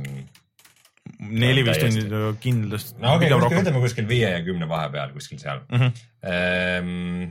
unustasid ühesõnaga aja, et ta oli siiski hea ja no kui hakkad tunde lugema, siis ta on niuke tempokas, mis ta ütleb sul? äh, main pluss ekstra seitse tundi, main story viis pool.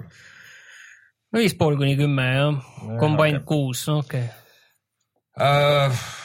ütleme nii, et see on väga suur samm edasi Titanfall ühest. see ei ole mingi võrdlus, see ei ole mingi võrdlus. mingit, pigem äh, see on, võrdle näiteks mõne äh, Call of Duty viimase aja selle kampaania osaga.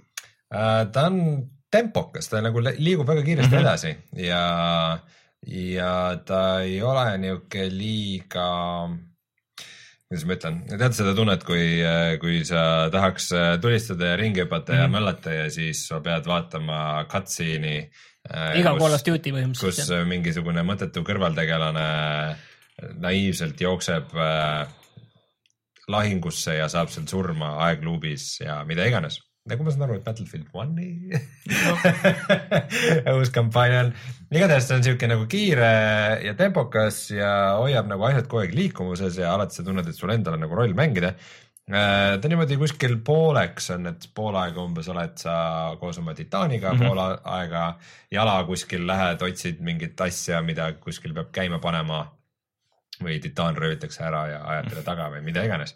ja äh, noh, siis üsna palju on siis ka seda platvormist mm., et jooksed mööda seina ja hüppad seinalt seinale, mis on okei okay,, mis tegelikult. mulle väga meeldib see. kujutan ette jah, et see platvormimine toimib märksa paremini kui Mirror Ol,. oluliselt, see on lihtsalt, see on, see on jätkuvalt see, ma just jõudsin sinnasamma, kus su titaan röövitakse ära ja siis sa satud, kus äh, ma jätkuvalt, ma kaugemale ei ole jõudnud, ma tean, et seal toimuvad mingid twistid, aga ma loodan, et Rein ei spoil'i neid meie kellegi jaoks äh,. aga, aga kuna me, me oleme mõlemad nii kaugel, siis ma sellest kohast räägin, et, et äh, toimub nagu väike muutus nagu selles kampaanias, muidu on ikka lahinguväli ja sõda käib ja siis nii, nii, aga sa satud siukesesse suurde tehasesse, kus pannakse millegipärast kokku äh, nagu maju koos nagu nukkudega ja siis sa pead äh, su mingi tõstuk või viib su titaani edasi ja siis sa pead nagu natuke nagu ise aru saama ka, et tegelikult need levelid on päris suured mm., et kus sul see platvormimine nagu läheb ja see on tegelikult päris mitu varianti, kuidas sa saad neid lahendada, et noh, üks on nagu see ideaalne.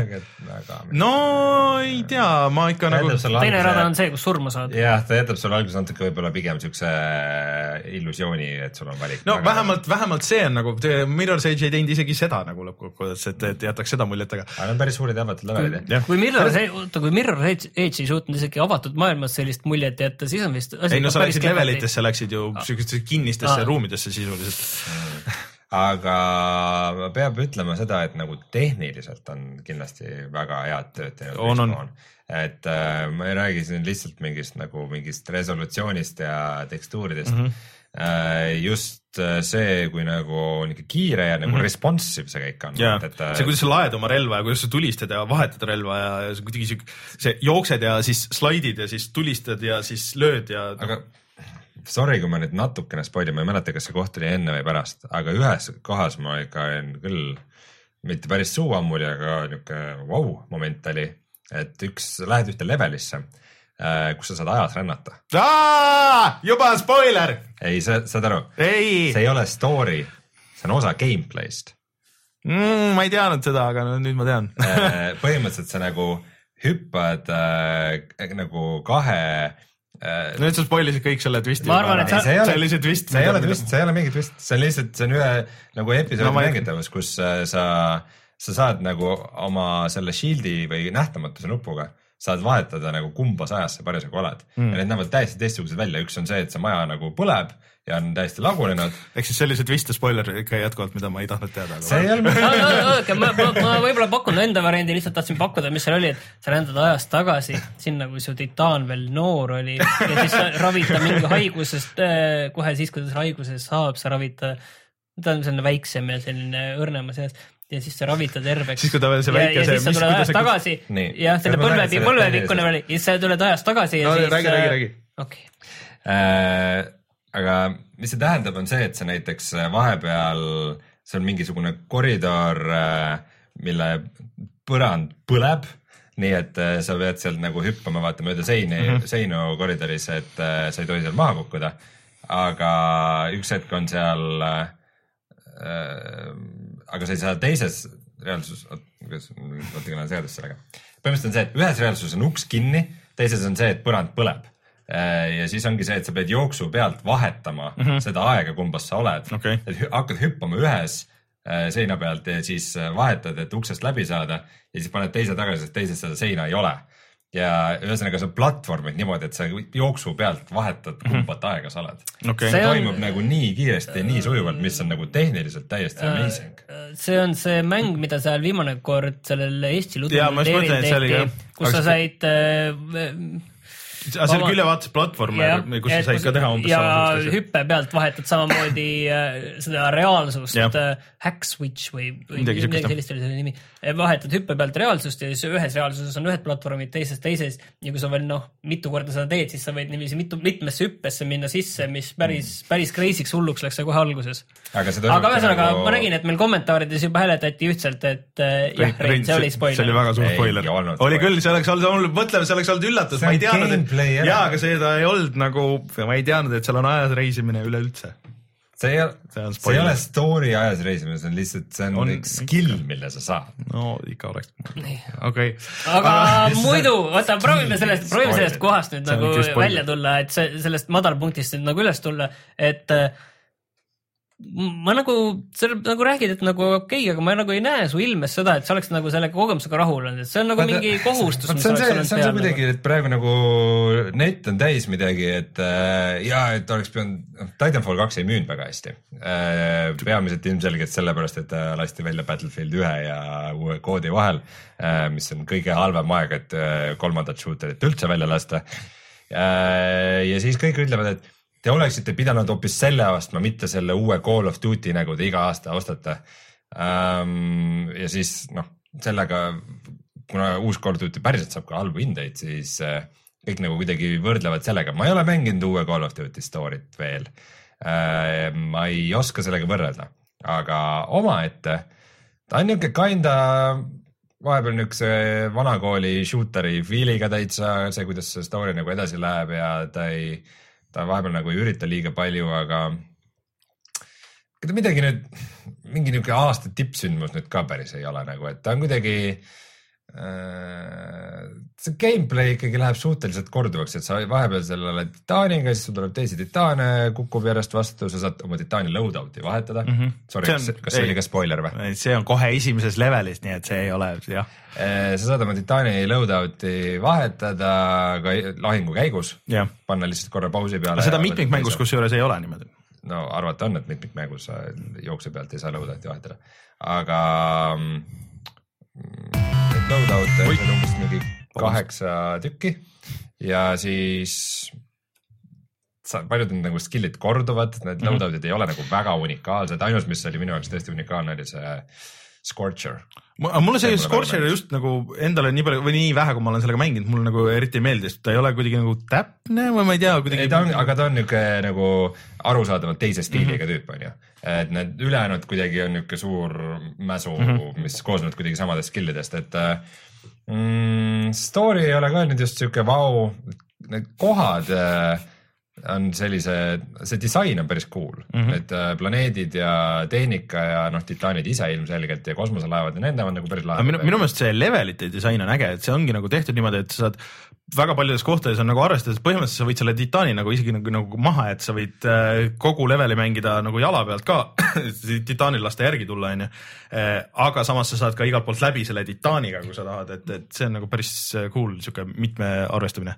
kui ma siit praegu kõrvalt kuulan, siis ütleme, et te võite küll nagu rääkida mingil määral positiivset juttu, aga te ei müü seda mängu mulle absoluutselt maha, teil ei ole nagu No mitte mingit entusiasmi. Ei, mis mõttes, mul on- mul on täiega sa ära nüüd teeskle seda, selles mõttes, Ei. tegelikult ka, sest ma olen nagu tükk aega mõelnud, et taha, tahaks üle pika aja mõnda head FPS-i kätte võtta ja kui ma vaatan seda nüüd see on aasta lõppu, mis, mis tulevad, siis tegelikult mind ikka kõige rohkem praegu huvitab sellest aastast, et peaks selle tuumi läbi tegema mm, Mhm. -hmm. pean tunnistama mm. -hmm. ja kui te praegu sellest Titanfallist räägite, siis te võite nagu rääkida ükskõik mida, aga teie kehakeel ja hääl ei, ma, mina, mina ei ole, mulle seda, ma lihtsalt olen, ma ei saa väga et- palju et rääkida, ma ei ole lõpuni mänginud, ma tahan selle lõpuni mängida, aga lihtsalt ma mängisin seda mitmikmängu. mulle jälle see mitmik, paljud kirusid, ma ei tea, et see ei ole nagu päris nagu mina esimene. just kuulan ainult, et kõik räägivad jube head. aga minu meelest, minu meelest on ka ilgelt nagu hea ja mul, kui sa mängid sedasama seda attrition mode'i, ainuke asi, mis on, on see, et seal peab alguses nagu nüüd leveleid on nagu palju ja sa pead nagu õppima leveleid tundma, sest et noh, sul on nagu nii palju on selle jooksmise peale ja sa pead nagu teadma neid kohti ja kust tulevad ja kus sul on kõige mõistlikum on titaan saada. aga nüüd muidugi läheb nagu mitmikmängus läheb, sul läheb noh, teises said suhteliselt kohe vaata, et paar seda vastast lasid maha või, või mõned need robotid on ju, siis sa juba said hakata titaani tellima sul, aga sul praegu on nagu alguses, et sul on see taimer on ju millal sa saad tellida titaani, et see saab kõigil, jõuab kuskile maale, et see on mingi ajaline piirang, kus keegi ei saa tellida titaani. saad seal natuke kiirendada, aga noh, see jõuda sinna põhibaasini ja siis on nagu see, et hakkad, sa täidad seda viimast nagu veerandit nende kill'ide ja, ja skooriga põhimõtteliselt et, et siis üks hetk saabub see nagu, kus kõik saavad järjest, kus on korraks on niimoodi, kaardi peal kõik on titanid ja siis, kes saavad surma ja siis hakkab nagu, läheb nagu huvitavamaks, et, et see mm., see tuleb sihuke nagu laine käib üle ja siis, kes jäävad nagu sealt ellu, need jäävad ellu ja kes ei jää. see mulle ka nagu väga ei meeldi, et sul nüüd ei ole mitmikmängus seda, oota muidu sul oli eraldi see titaanide hävitamisrelv aga nüüd see on nagu eraldi nagu relvana, et ta ei ole sul nagu kogu aeg kaasas ja sa pead nagu selle võtma oma loadout'i. et see on nagu natuke segane, et ma ei ole praegu täpselt, kas see sõltub nagu levelist või mitte, et on neid leveleid ja nagu asju teenib päris palju ja sa saad modida oma karakterit nagu hullult palju ja titaani tegelikult ka äh, nende loadout'e nagu muuta, aga seal vist on see, et äh, titaanidel sul on nagu need fixed loadout'id umbes nii nagu seal mitmik äh, või single player'is et sa nagu väga palju ei saa tuunida, et mis võimed ja asjad sul on, vaata nagu esimeses. et äh, aga kõik see, mis mina olen mänginud nii üksikmängus kui mitmikmängus, mulle on väga meeldinud, sest et mulle väga meeldivad eriti veel nagu üksikmängu platvormerid või noh, mulle üleüldse platvormerid meeldivad see, kus on kiire ja täpne ja vaat seal on kuidagi see nõks seal sees, et kas sul on kontrolli või ei ole kontrolli õhus või, või vähemalt see tunnetus on ju ja et sa tead kindla peale, et kui mitte nagu selles Mirror's Edge'is, et okei okay,, et ma vist saan sinna hüpata ja siis sealt vist saan sinna ja siis selgub, et sa ei saa või et äh, lihtsalt või et ükskord saad ja teinekord ei saa. ja aga Titanfallis seda tunnet ei ole, et selles mõttes nagu mulle see ikkagi nagu väga meeldib Hardiga mängid? äh,. ei, Rein, tahad sa veel midagi öelda selle kohta või ma tõmban siia joone alla? ma, ma ei tea, ma võib-olla sõimaks seda single player'it veel veidi. No sõima. aga ma ei tea, mina olen vist see aasta olnud üldse kõige suhtes äh, negatiivselt meelestatud, nii et äh, ise valite. nagu eelmine aasta uuesti. ma olen jah, ma olen kogu selle aasta suhtes negatiivselt meelestatud, aga mind, mulle ka Doom väga ei avaldanud muljet, ma tuletan meelde. ja paljud just räägivad, kui äge on see, kuidas sul Titaniga tekib mingi niisugune nagu connection ja ma ei tea, Titani tegelas, kui on niisugune nagu saba, nagu saba, nagu skoer ja. saba liputav koer, kes on äh, kõigega jube rahul, mida sa teed. see oli üks koht, kus äh, noh, et sa tegelikult ei ole veel nagu see õige piloot. ole nüüd selle kohaga ette ei, see on, see on kohe alguses. ei no see, et sa lähed sinna, see küll jah, aga sa tahtsid rääkida millestki ma tahaks millestki. Okei, ma tahtsingi, et see nagu- ühesõnaga, mis ma, mis ma selle, ma siis seekord jätan selle rääkimata, aga kuhu ma tahtsin jõuda, on see, et see story arvab nagu, et ta on mingi jube eepiline emotsionaalne rännak ja lõpus äh, end credits'ite ajal on sul iga tegelase jaoks on niimoodi eraldi, et temal on oma stseen ja siis on kõrval on, kes see häälnäitleja teda mängis. ja ma garanteerin, et sa võid, sa võid ühe jutina selle viie poole tunniga selle kampaania läbi teha ja vaadata seda lõputiitreid ja neid tegelasi seal ja poolte all sa mõtled, kes kurat see oli?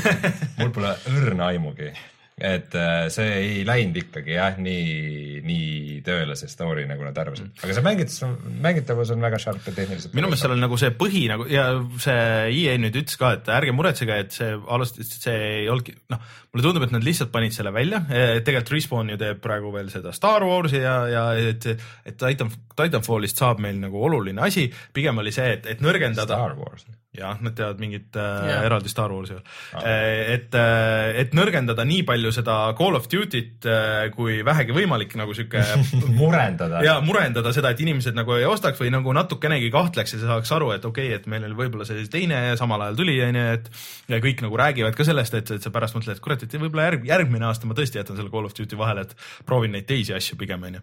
Mm. sest et aga Titanfalli üks mure muidugi PC-l, et mul on ka see PC versioon, et PC-l vist on nagu nende mängijatega mitmikmängud nagu natuke halvasti.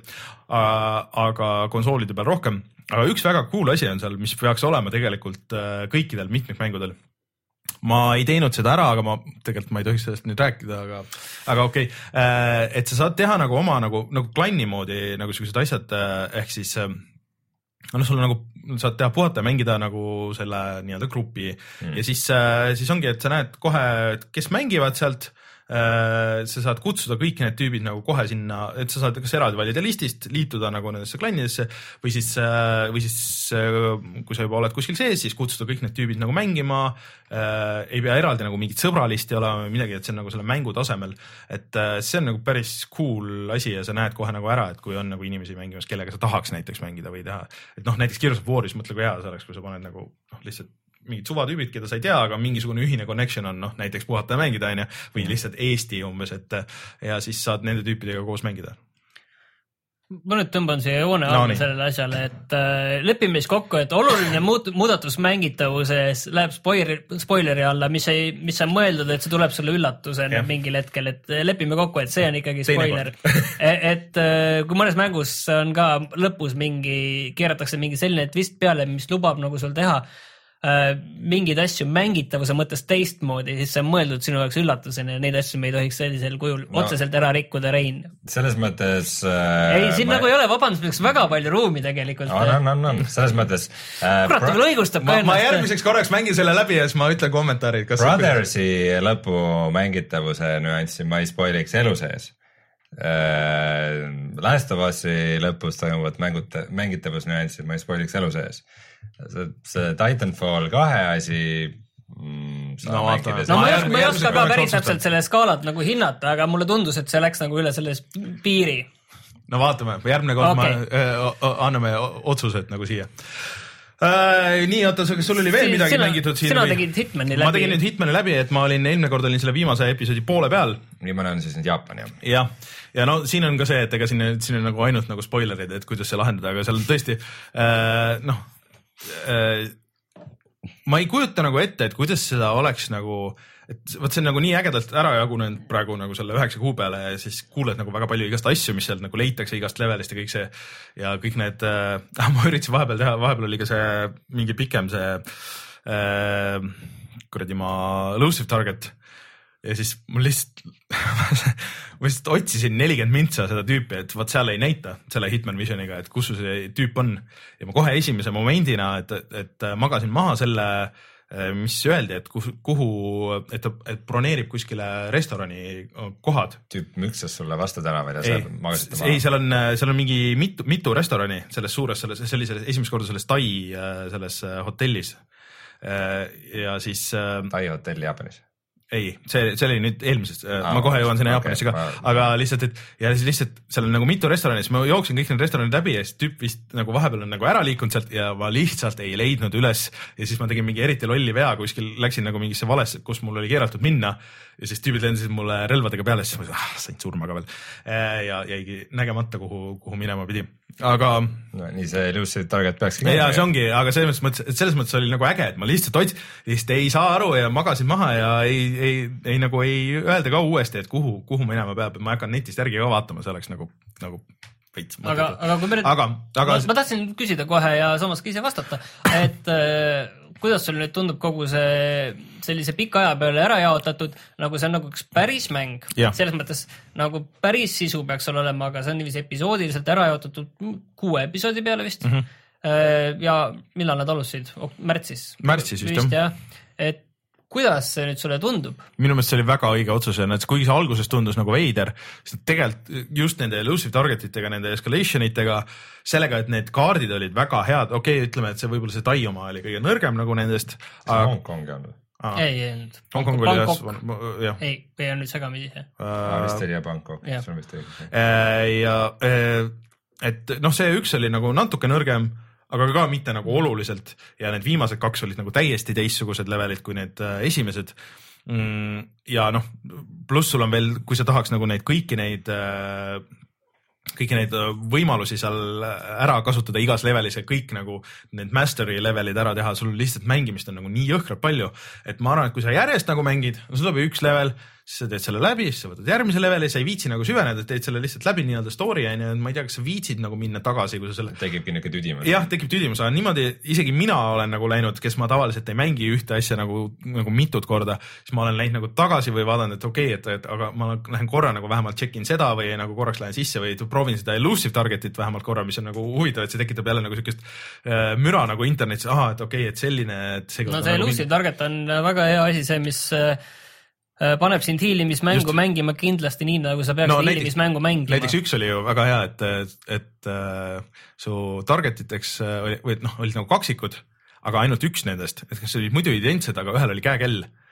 Ja siis sa pidid aru saama, et esiteks sa pidid nad üles leidma kaardi pealt, teiseks sa pidid äh, leidma need mõlemad tüübid ja siis sa pidid aru saama, kumb on kumb ja siis nagu jälgima seda ühte ja tekitama selle situatsiooni, et, et see üks konkreetselt maha võtta.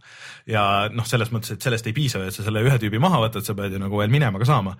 et äh, aga see Jaapan on nagu väga tuus, et seal on ka nagu see twist on nagu sees, et, et sulle noh, et sul need riided avavad sulle uksi onju, et see on mingisugune spa ja siis äh, et et ei ole lihtsalt niimoodi, et sa hiilid nagu igalt poolt sisse, et see on väga rangelt nagu valvatud, et sa pead nagu ikka päris nutikas olema ja natuke teistmoodi mõtlema kui ülejäänud levelites, et äh, aga noh, see story muidugi on nagu suht, suht siuke mambo-jumbo, et seal ei ole nagu midagi erilist, et mingisugune noh, vana hea sihuke agendid veavad teisi agente alt ja kes on topeltagent ja kes ei ole, onju, see, sellel ei ole mingit erilist väärtust, aga need levelid ja nad kuulutasid välja ka, et nüüd tuleb ja see season kaks tuleb samamoodi. Selles samas äh, kliendis niimoodi, et sul on seesama Hitman, mille sa paned tööle. No lihtsalt sul on seal season, season kaks äh, ei, season kaks, level üks. Ja et võib-olla tuleb veel mingid, ei ja kõik su nagu isegi progress kandub edasi, mis sul on mingid relvad, et kui sa neid escalation eid või asju teed teiste levelite peal, kuhu sa saad kaasa võtta et see kandub edasi ja et see on nagu üks äh, harvu nagu neid episoodilisi nagu õnnestumisi minu meelest nagu üldse nagu. saame näha nagu, kas keegi seda hakkab äh, järele tegema, aga ühe näiteks täiesti, et erinevalt Titanfall kahest, selle Hitmani nagu ma näen seda entusiasmi, ütleme, ma, ma näen seda. Aga Martin, see on üks asi, mida sa peaks enne aasta lõppu kindlasti proovima. ma proovin jah, et ma, mul on see kõik olemas. Et- Läheb natuke kiireks muidugi aasta lõpus nende Äh, noh, samas on see, et kui sa võtad selle kätte, noh, ei, ega iga level, iga see missioon üksinda, kui sa teed läbi, noh, sa põhimõtteliselt saad alla tunniga iga, iga selle missiooni, selle põhimissiooni. aga äh, seal on nagu see, et kuidas sa nagu lähened, on ju, et kas sa teed nagu nende opportunity, mida ma alguses soovitan teha, need on väga lõbusad, need lõpevad sihukeste väga spetsiifiliste killidega alati. aga siis on alati ka nagu võimalus, et kui sa nagu midagi magad maha või läheb nagu puseriti, siis sul on variante nagu see ära lahendada, on ju, et ähm, et see on nagu ikkagi üllatavalt hea, nagu just Steniga rääkisime pärast eelmist saadet, et, et tegelikult peaks minema tagasi ja nagu proovima seda Blood Money't ja, ja Absolutionit nüüd nagu võrdluseks, kus sul on nagu, Blood Money's sul on nagu rohkem variante, aga samas on nagu hästi väiksed, noh, suhteliselt kitsad levelid on. aga Absolutionis äh, sul on nagu hästi sihuke lineaarne ja vähe variante, et, et kuidas need nagu mõjuvad nüüd äh, kontekstis. et see tõesti mind huvitab hoopis see, et sa nüüd hakkad Dishonored kahte ka mängima onju. Et äh, kuidas sulle Dishonored kaks nagu tundub võrreldes No võrreldes äh, kogu selle rännakuga, mis sa nüüd selle Hitmaniga no ongi, et koos ette võtnud. aga, aga mulle tundub, et vaata, kui sa võtad selle esimese Dishonored'i, siis seal oleks ka nagu niimoodi, kui sa võtaks nagu missiooni või leveli kaupa, et okei okay,, et sa teed selle ühe missiooni ära ja siis sul on see, see, vot seal oli, jagunes ikkagi suht leveliteks, et su iga missioon oli eraldi level, kuhu sa läksid ja need olid ka suhteliselt tihedad ja igasuguseid asju täis, et kui sul oleks olnud nüüd kuu aega aega süveneda sellesse, seal oleks võib-olla mingi teine asi olnud, mingi kõrvalmissioon on ju, et sa nagu käid ja proovid ja võib-olla parandad oma skoori. Et sa nagu lähed sügavuti või oskad nagu rohkem hinnata ne- kõiki neid asju, mis seal on, kui versus see, et sa nüüd mängid läbi ja story läheb edasi ja sul on nagu mingid story asjad ainult. et äh, jah, ma ise ootan ka huviga, et mis sellest saab, et et mulle hiilimismängud ka nagu väga meeldivad, aga, aga siis ongi nende vanade hitmanidega, siis vahest on nagu see, et sa ei saa kuskilt nagu edasi ja siis, siis on nagu mingi, kohe antakse nagu järgmine missioon ja siis sa pead nagu täpselt sedasama tegema, enam-vähem samamoodi veel selles Absolutionis oli, onju, et noh, See on tundub, et siin on, siin on ka nagu see asi, et, et äh, nagu sa ütlesidki, et äh, näed, nendest kõigist nagu see Bangkok tundus nagu kõige nõrgem mm Mhm. -hmm. olema, et tegelikult, kui sa mõtled palju näiteks mingis Hitmanis on tegelikult nagu nii-öelda neid filler missioone, mis ei ole ja. nagu nii ära lihvitud, et siin on nagu, mida ma, mis ma panen nagu kõrvalt Mhm. tähele, et äh, mulle tundub, et väga-väga suur osa sisust on väga kõrge kvaliteediga. ja, ja aga tegelikult sul, sul on see point nagu, et siin ongi, ega tegelikult siin on ju need põhimissioonid, mida sa pead tegema ja see ongi nagu rõhk on pandud sellele, okei okay,, sul on igas levelis, sul on kaks killi. okei okay,, võib-olla kol- kolm või neli on ju maksimum ja need ongi kõik, mis sa pead, tegelikult pead tegema selles levelis, et see oleks nagu, nagu läbi. kõik ülejäänud on nagu vabatahtlik ja tavaliselt ka mingisuguse, mingi vimkaga nagu selles mõttes, mis ei make'iks nagu päris mängu ja story, kui sa üritaks siduda nagu seda mingiks tervikuks, mingiks loogiliseks asjaks, et okei okay,, et mine nüüd siia, et ürita leida nüüd sissepääs siia ja et siis see nagu lõhuks ära selle kogu mängu, et sulle antakse see, et okei okay,, ise tead, et kas sa lähed nagu neid, et kuulad inimesi ja neid jälgid neid võimalusi või sa lähed lihtsalt tuimalt nagu käid selle leveli läbi, vaatad, okei okay,, siit ma saan ronida sinna ja sinna ja siis sealt ma saan selle ukse ja siis võtan selle tüübi ja sa ei pea üldse tegema seda, aga kui sa üritaks nüüd siduda selle mingi story või siukse lineaarse asjaga, no siis lähebki nagu katki ja siis ei olegi enam Hitman nagu selles mõttes. et äh, minu meelest see on nagu väga tuusalt lahendatud ja ma ootan väga, et sa prooviks ka nagu seda. Ma proovin sinna jõuda. sest et kõikide lood on nagu alati erinevad ja pluss, et kui sa veel tagasi lähed, et sõltub, mis sa oled nagu lahti lukustanud ja iga leveliga tuli veel juurde neid asju, mida sa saad viia veel vanematesse levelitesse tagasi, igast relvi ja mingid äh, mingid, selles viimases nüüd tuligi mingi sihuke relv, kus on küll piiratud arv kuule, aga seda ei leita, kui sind äh, läbi otsitakse ehk siis sa saad minna mingitesse, mingeid siukseid missioone teha, kuhu sa enne võib-olla relvaga sisse ei oleks saanud, sa saad nüüd täiesti uut moodi lahendada need. et äh, ma ei tea, see on, see on üks ägedamaid mänge ikkagi sellel aastal minu meelest. väga äge, väga hea meel kuulda seda. no Rein, sina oled äh, 2D Quake'i mänginud. jah, mul äh, kuidagi niisuguseks vahepalamänguks on jäänud siis sihuke mäng nagu Butcher äh,. mis kõrvalt vaadates äh, Quake on kõige parem kirjeldus selle jaoks. Ja tea, ma olen päris kaugel, mul ei ole üldse lõpp enam väga kaugel, seal neid maailmaid on päris mitu. Äh, kõik näevad siuksed pruunid välja, sest et noh, Quake. Aga siiski no üks on tegelikult nagu džunglibaas ja üks on niisugune tehas ja ja siis seal äh, vahepeal äh, mingi laava kuskil pulbitseb või kurjad piraajad. jää, jäämaailm ja laavamaailm ja džunglimaa. aga, aga see vaheldusrikkus ei ole nagu väga suur, ta üritab olla hästi-hästi brutaalne ja sihuke kiire ja nagu löök, see noh, tagline on see, et Butcheril, et, et raske raskusaste on kõige lihtsam selles mängus üldse.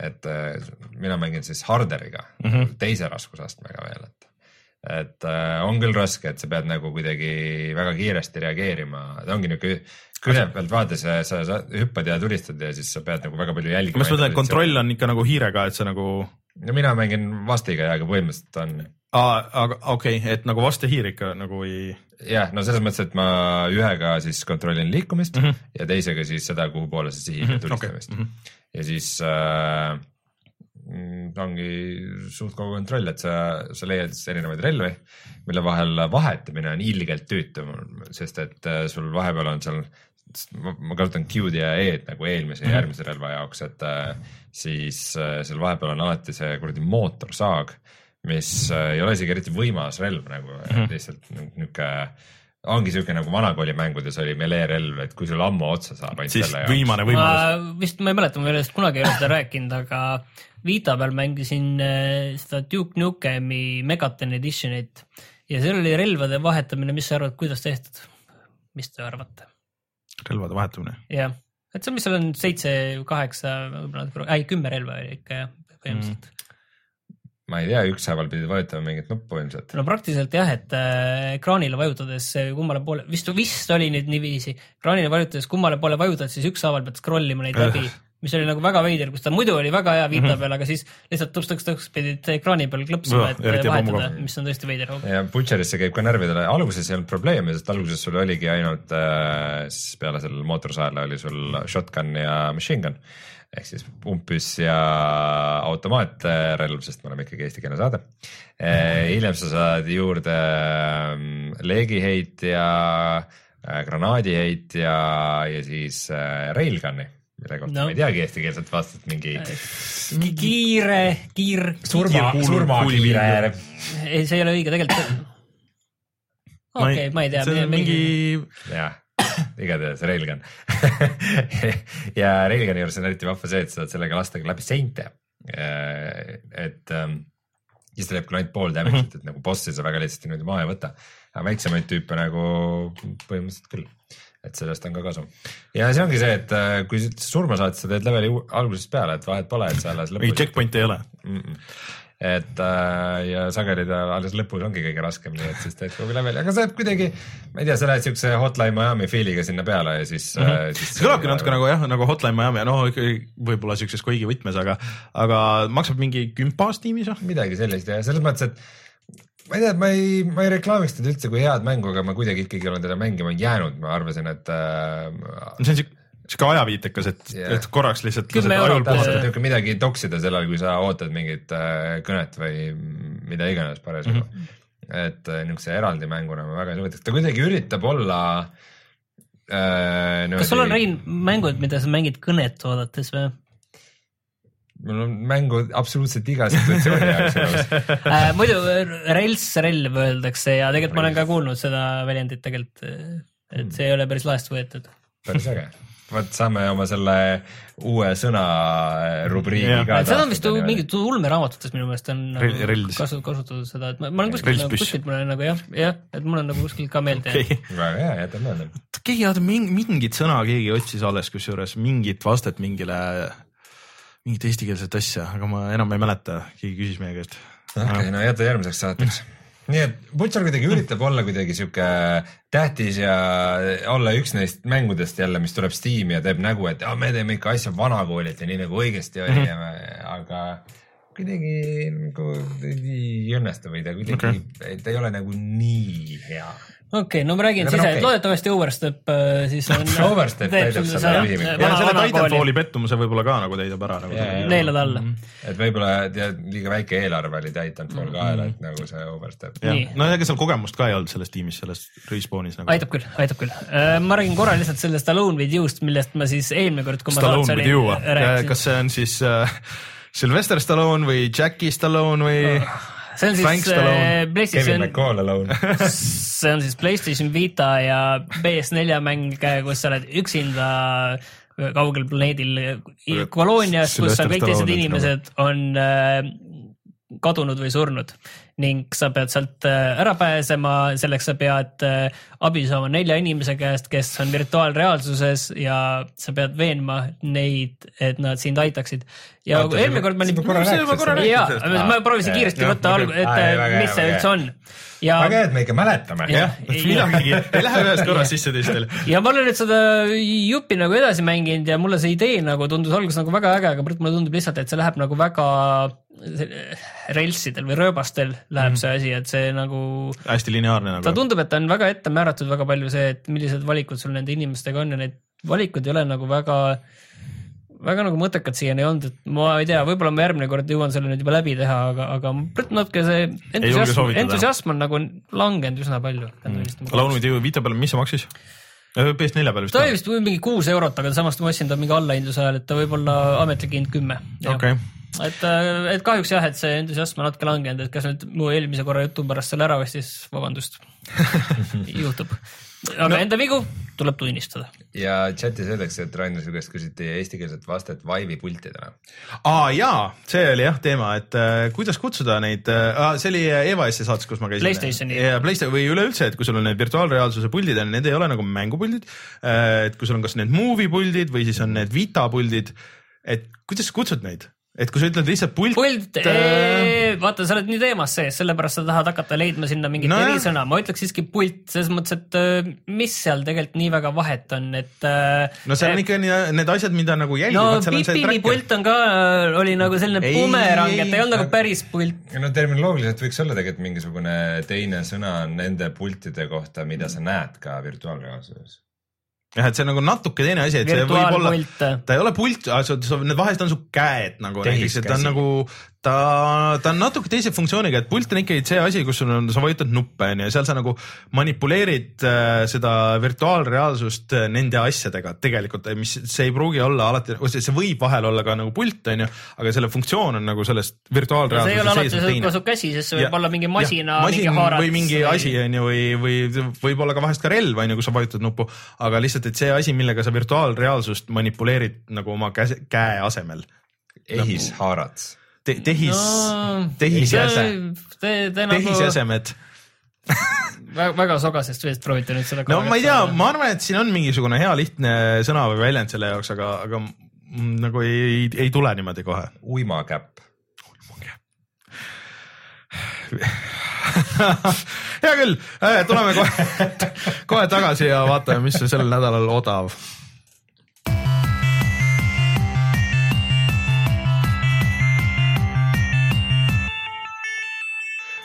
siirik pakutakse. et nagu siirded, noh, see on ei, see ongi sinu, workshop ime seda sinu natuke., sinu nagu see mõte nii-öelda nagu või sinu tahe Jätk. siirdub äh, virtuaalreaalsusesse. Mm. selles mõttes on nagu jätkukäpad, närvisiirik. mõtleme selle peale veel, aga Martin, ütle, et mis, mida saab odavalt äh, see nädal? me peame selle Humble Bundle'i lajatama siia sellepärast, et äh, seal on äh, Unreal Engine'i äh, äh, bundle pakett, Mm -hmm. kogum mänge mm. -hmm. kus kõige esimeses selles, oleme täpsed, üheksakümne ühe sendi äh, selles äh, ringis on Shadow Complex Remastered, mida mm. ma, mille ma siin hiljuti läbi tegin ja julgen soovitada. euro eest kohe kindlasti, seal samas äh, odavas, ma soovitaks seda ka kümne euro eest. seal samas odavas grupis on ka see mm, Dangerous Golf, Danger Golf ehk siis Burnouti tegijate, mida sa vahepeal mängisid, aga mis ei läinud päris seda ta ei läinud, ta ta on nagu midagi oli seal vist valesti, et ta on nagu natuke ei puudu nagu mänguna, ta on siuke lõbus füüsika siuke simulaator, simulaator või, või jah, selline demo mingil määral jah nagu. aga euro eest pff, ei ole küsimust. järgmises tasemes oli veel Killing Floor oli selles esimeses ka, aga järgmises tasemes on Keegi siis soovitas äh, The Vanishing of Ethan Carter äh, soovitan väga. ja Drift. No mõlemad see natukene sarnase teema mängud, sellised äh, Drift oli vist mõeldud äh, virtuaalreaalsuse jaoks, aga võib ka ilma vist. aga seda ei soovitata Aga Drift pidi olema selline- kõndimissimulaator, aga kuna see on kosmoses, siis see on rohkem selline hõljumissimulaator vist. Midagi siukest, et Gravity, aga, aga kosmoses, aga mis seal veel oli, mis seal kõige kallimas selles oli? The Culling, mis on vist, Reinul on olemas mis. mul on olemas ja, aga mida ma pole kordagi mänginud. aga see leidis väga head vastukäidu. see on siis selline Battle Royale või Hunger Games nii-öelda. et sul oled ühel saarel ja üritad ellu jääda seal teiste mängijate vastu, saad, ja võidab see, kes pea sellele. saad mingeid pakke leiad, kust leiab mingi juhusliku relva ja ta meenutab vist natuke seda, mis see zombi asi oli, see, mida Kalle Lepiku mängib. äh, King of the Kill ei, H1Z1. H1Z1 jah, midagi natuke siukest vist. Et äh, see on väga hea pakk ja tavaliselt lisatakse järgmine nädal veel sinna, nii et äh, pff, kellel neid mäng, mul paraku on need äh, kaks asja, mida ma või kolm Jaa. asja sealt on nagu olemas, et ma ainult selle Callingu ja Killing Floori pärast seda ei hakka ostma, aga ootad, kuni rohkem mänge koguneb sinna. jah, kui seal midagi väga, kuule, aga mis, mis, mis sinna tuleb, mis, mis oleks, oota, Unreali asja siin ei tuleb ole igal kirjas küll, et siia midagi tuleks, ma pean tunnistama, et tavaliselt, on kirjas, et siia lisatakse, nii et äkki Gears of War neli pannakse sinna on ju Unreali peal, kindlasti, nojah sest et Windows Store'i asjad lähevad nii sageli Humble Bundle itesse. ah,. ja noh, eelmine nädal küll soovitasime, aga seal äh, Uplay poes on nüüd siis äh, Blood Dragon. Blood Dragon tegelikult tuli selle nädala algusest jah, et seal väikse delay'ga, aga siis oligi, et äkki keegi, kes läks, sai tõmmata endale Beyond Good and Evil'i veel, mis oli siis eelmise kuu mäng, et aga Blood Dragon on nüüd seal olemas. Mäng, kui sa Eestist ostad mänge, kus sa neid ostad? GameStar.ee kutsume saate saateks. järgmine nädal kindlasti rohkem muljeid veel sellest Playstation Prost. lisaks veel Dishonored kaks ja mina hakkan, võtan ette sellise asja, võtan ette sellise asja nagu Watch Dogs kaks ja pean tunnistama, et minu nagu see ootuste horisont on nagu täiesti keskpunktis, et mul ei ole nagu ei negatiivseid ega ka ülemäära positiivseid ootusi, et ma lähen nagu suhteliselt nagu niiviisi väga tuimalt ja üsna tegelikult ikkagi vähe teades sinna sisse, et saab näha. nii ongi hea minna. jah, et saab minu, näha. minu ootused sellele mängule on kuskil seal, kus Reinul. ja, ja, ja, ja. ma pean, ma pean tunnistama äh,, esimene Watch Dogs oli üks mäng, mille, millest algusest peale ma olin väga negatiivselt meelestatud äh, see tundus nii inspiratsioonitu ja punnitav selline GTA kloon mitte miski ei meeldinud mulle absoluutselt selle juures. Ma pean tunnistama, et Watch Dogs kaks tundub mulle palju ägedam, ta on niuke. Väga palju ei ole vaja. sa mõtled nagu õppinud oma vigadest selline või? mitte ainult see, aga ta on kuidagi värvikas, ta nagu tundub selline nagu lõbusam ja et ta ei võta ennast nii tõsiselt. tavaliselt sa ütled vibrantne selle kohta. vibrantne on ta ka jah. ma ei tea, kuidas. vibrantse balletiga. ma, ma lihtsalt, mul ei ole enam need pärast kõiki need viimased, mul ei ole Ubisofti mis... avatud maailma mängudesse erilist mingisugust usku. aga seal on teistmoodi üles ehitatud, seal ei ole torne. no saame näha. okei, järgmine kord ma räägin teile sellest. kui me läksime Far Cry nelja, siis mitte kellelgi meist ei olnud sellesse usku, meile kõigile väga meeldis. no tõsi, tõsi, aga siis tuli Far Cry Primal ja nii edasi, aga. no see aga tegelikult no tuleb see, noh, tegime seda nalja küll, aga et Assassin's Creed'i see kollektsioon tuleb. ma natuke nagu tahaks näha küll, et mis nad nagu teinud on ja kuidas need nagu, et okei okay,, või väljanägemine väljanägemiseks, aga kuidas nagu mängitavuselt nagu need vanad Assassin's Creed'id on üldse tänapäeval, et ma ei kujuta ette, kas need on kuidagi, et kas, kas need olid nagu oma ajas, tundusid see kaks ja Brotherhood ja need tundusid ägedad või, või on need ikka veel ägedad või, või nagu et mis case nendega on, et, et või ma lihtsalt mäletan jah. minul on selles mõttes mingi nagu huvi nende vastu, sest mina ei ole neid mänginud aga, aga mitte seda aega praegu kindlasti mm. mitte. jah, lihtsalt see aja, aja probleem yeah.. ja, ja. ah, ja Call of Duty'st kindlasti järgmine kord. jah, ja loodetavasti ma saan ka proovida siis PSVR-i veidike pikemalt vahepeal mm., et saaks sellest rääkida. muide, mina kui see RPG poiss pean ära mainima, et siis kümnendal novembril täna mm -hmm. tuleb välja siuke mäng nagu Tyranny, mis on siis äh, Obsidianilt mm, -hmm. kes on siis need, kes tegid selle Fallout New Vegas'e mm -hmm. näiteks Fallout kolme selle lisapaki. ja, ja viimasel ajal siis. South Park'i. seda tegi Obsidian. jah mm -hmm. okay, mida iganes äh,. igatahes see on vist kaudselt veidikene mõtteline järg Pillars of Eternity'le. okei okay. äh,. aga, aga mitte vist väga otseselt, et äh, keda.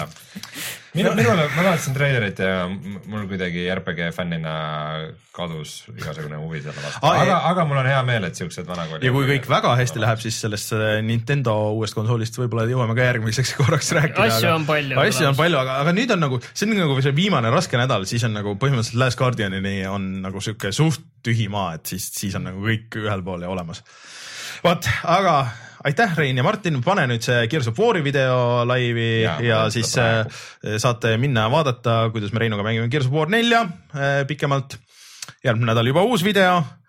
ja mina olen Rainer, minuga siin stuudios Rein ja Martin, kohtume juba järgmisel nädalal. tšau. tšau. tšau.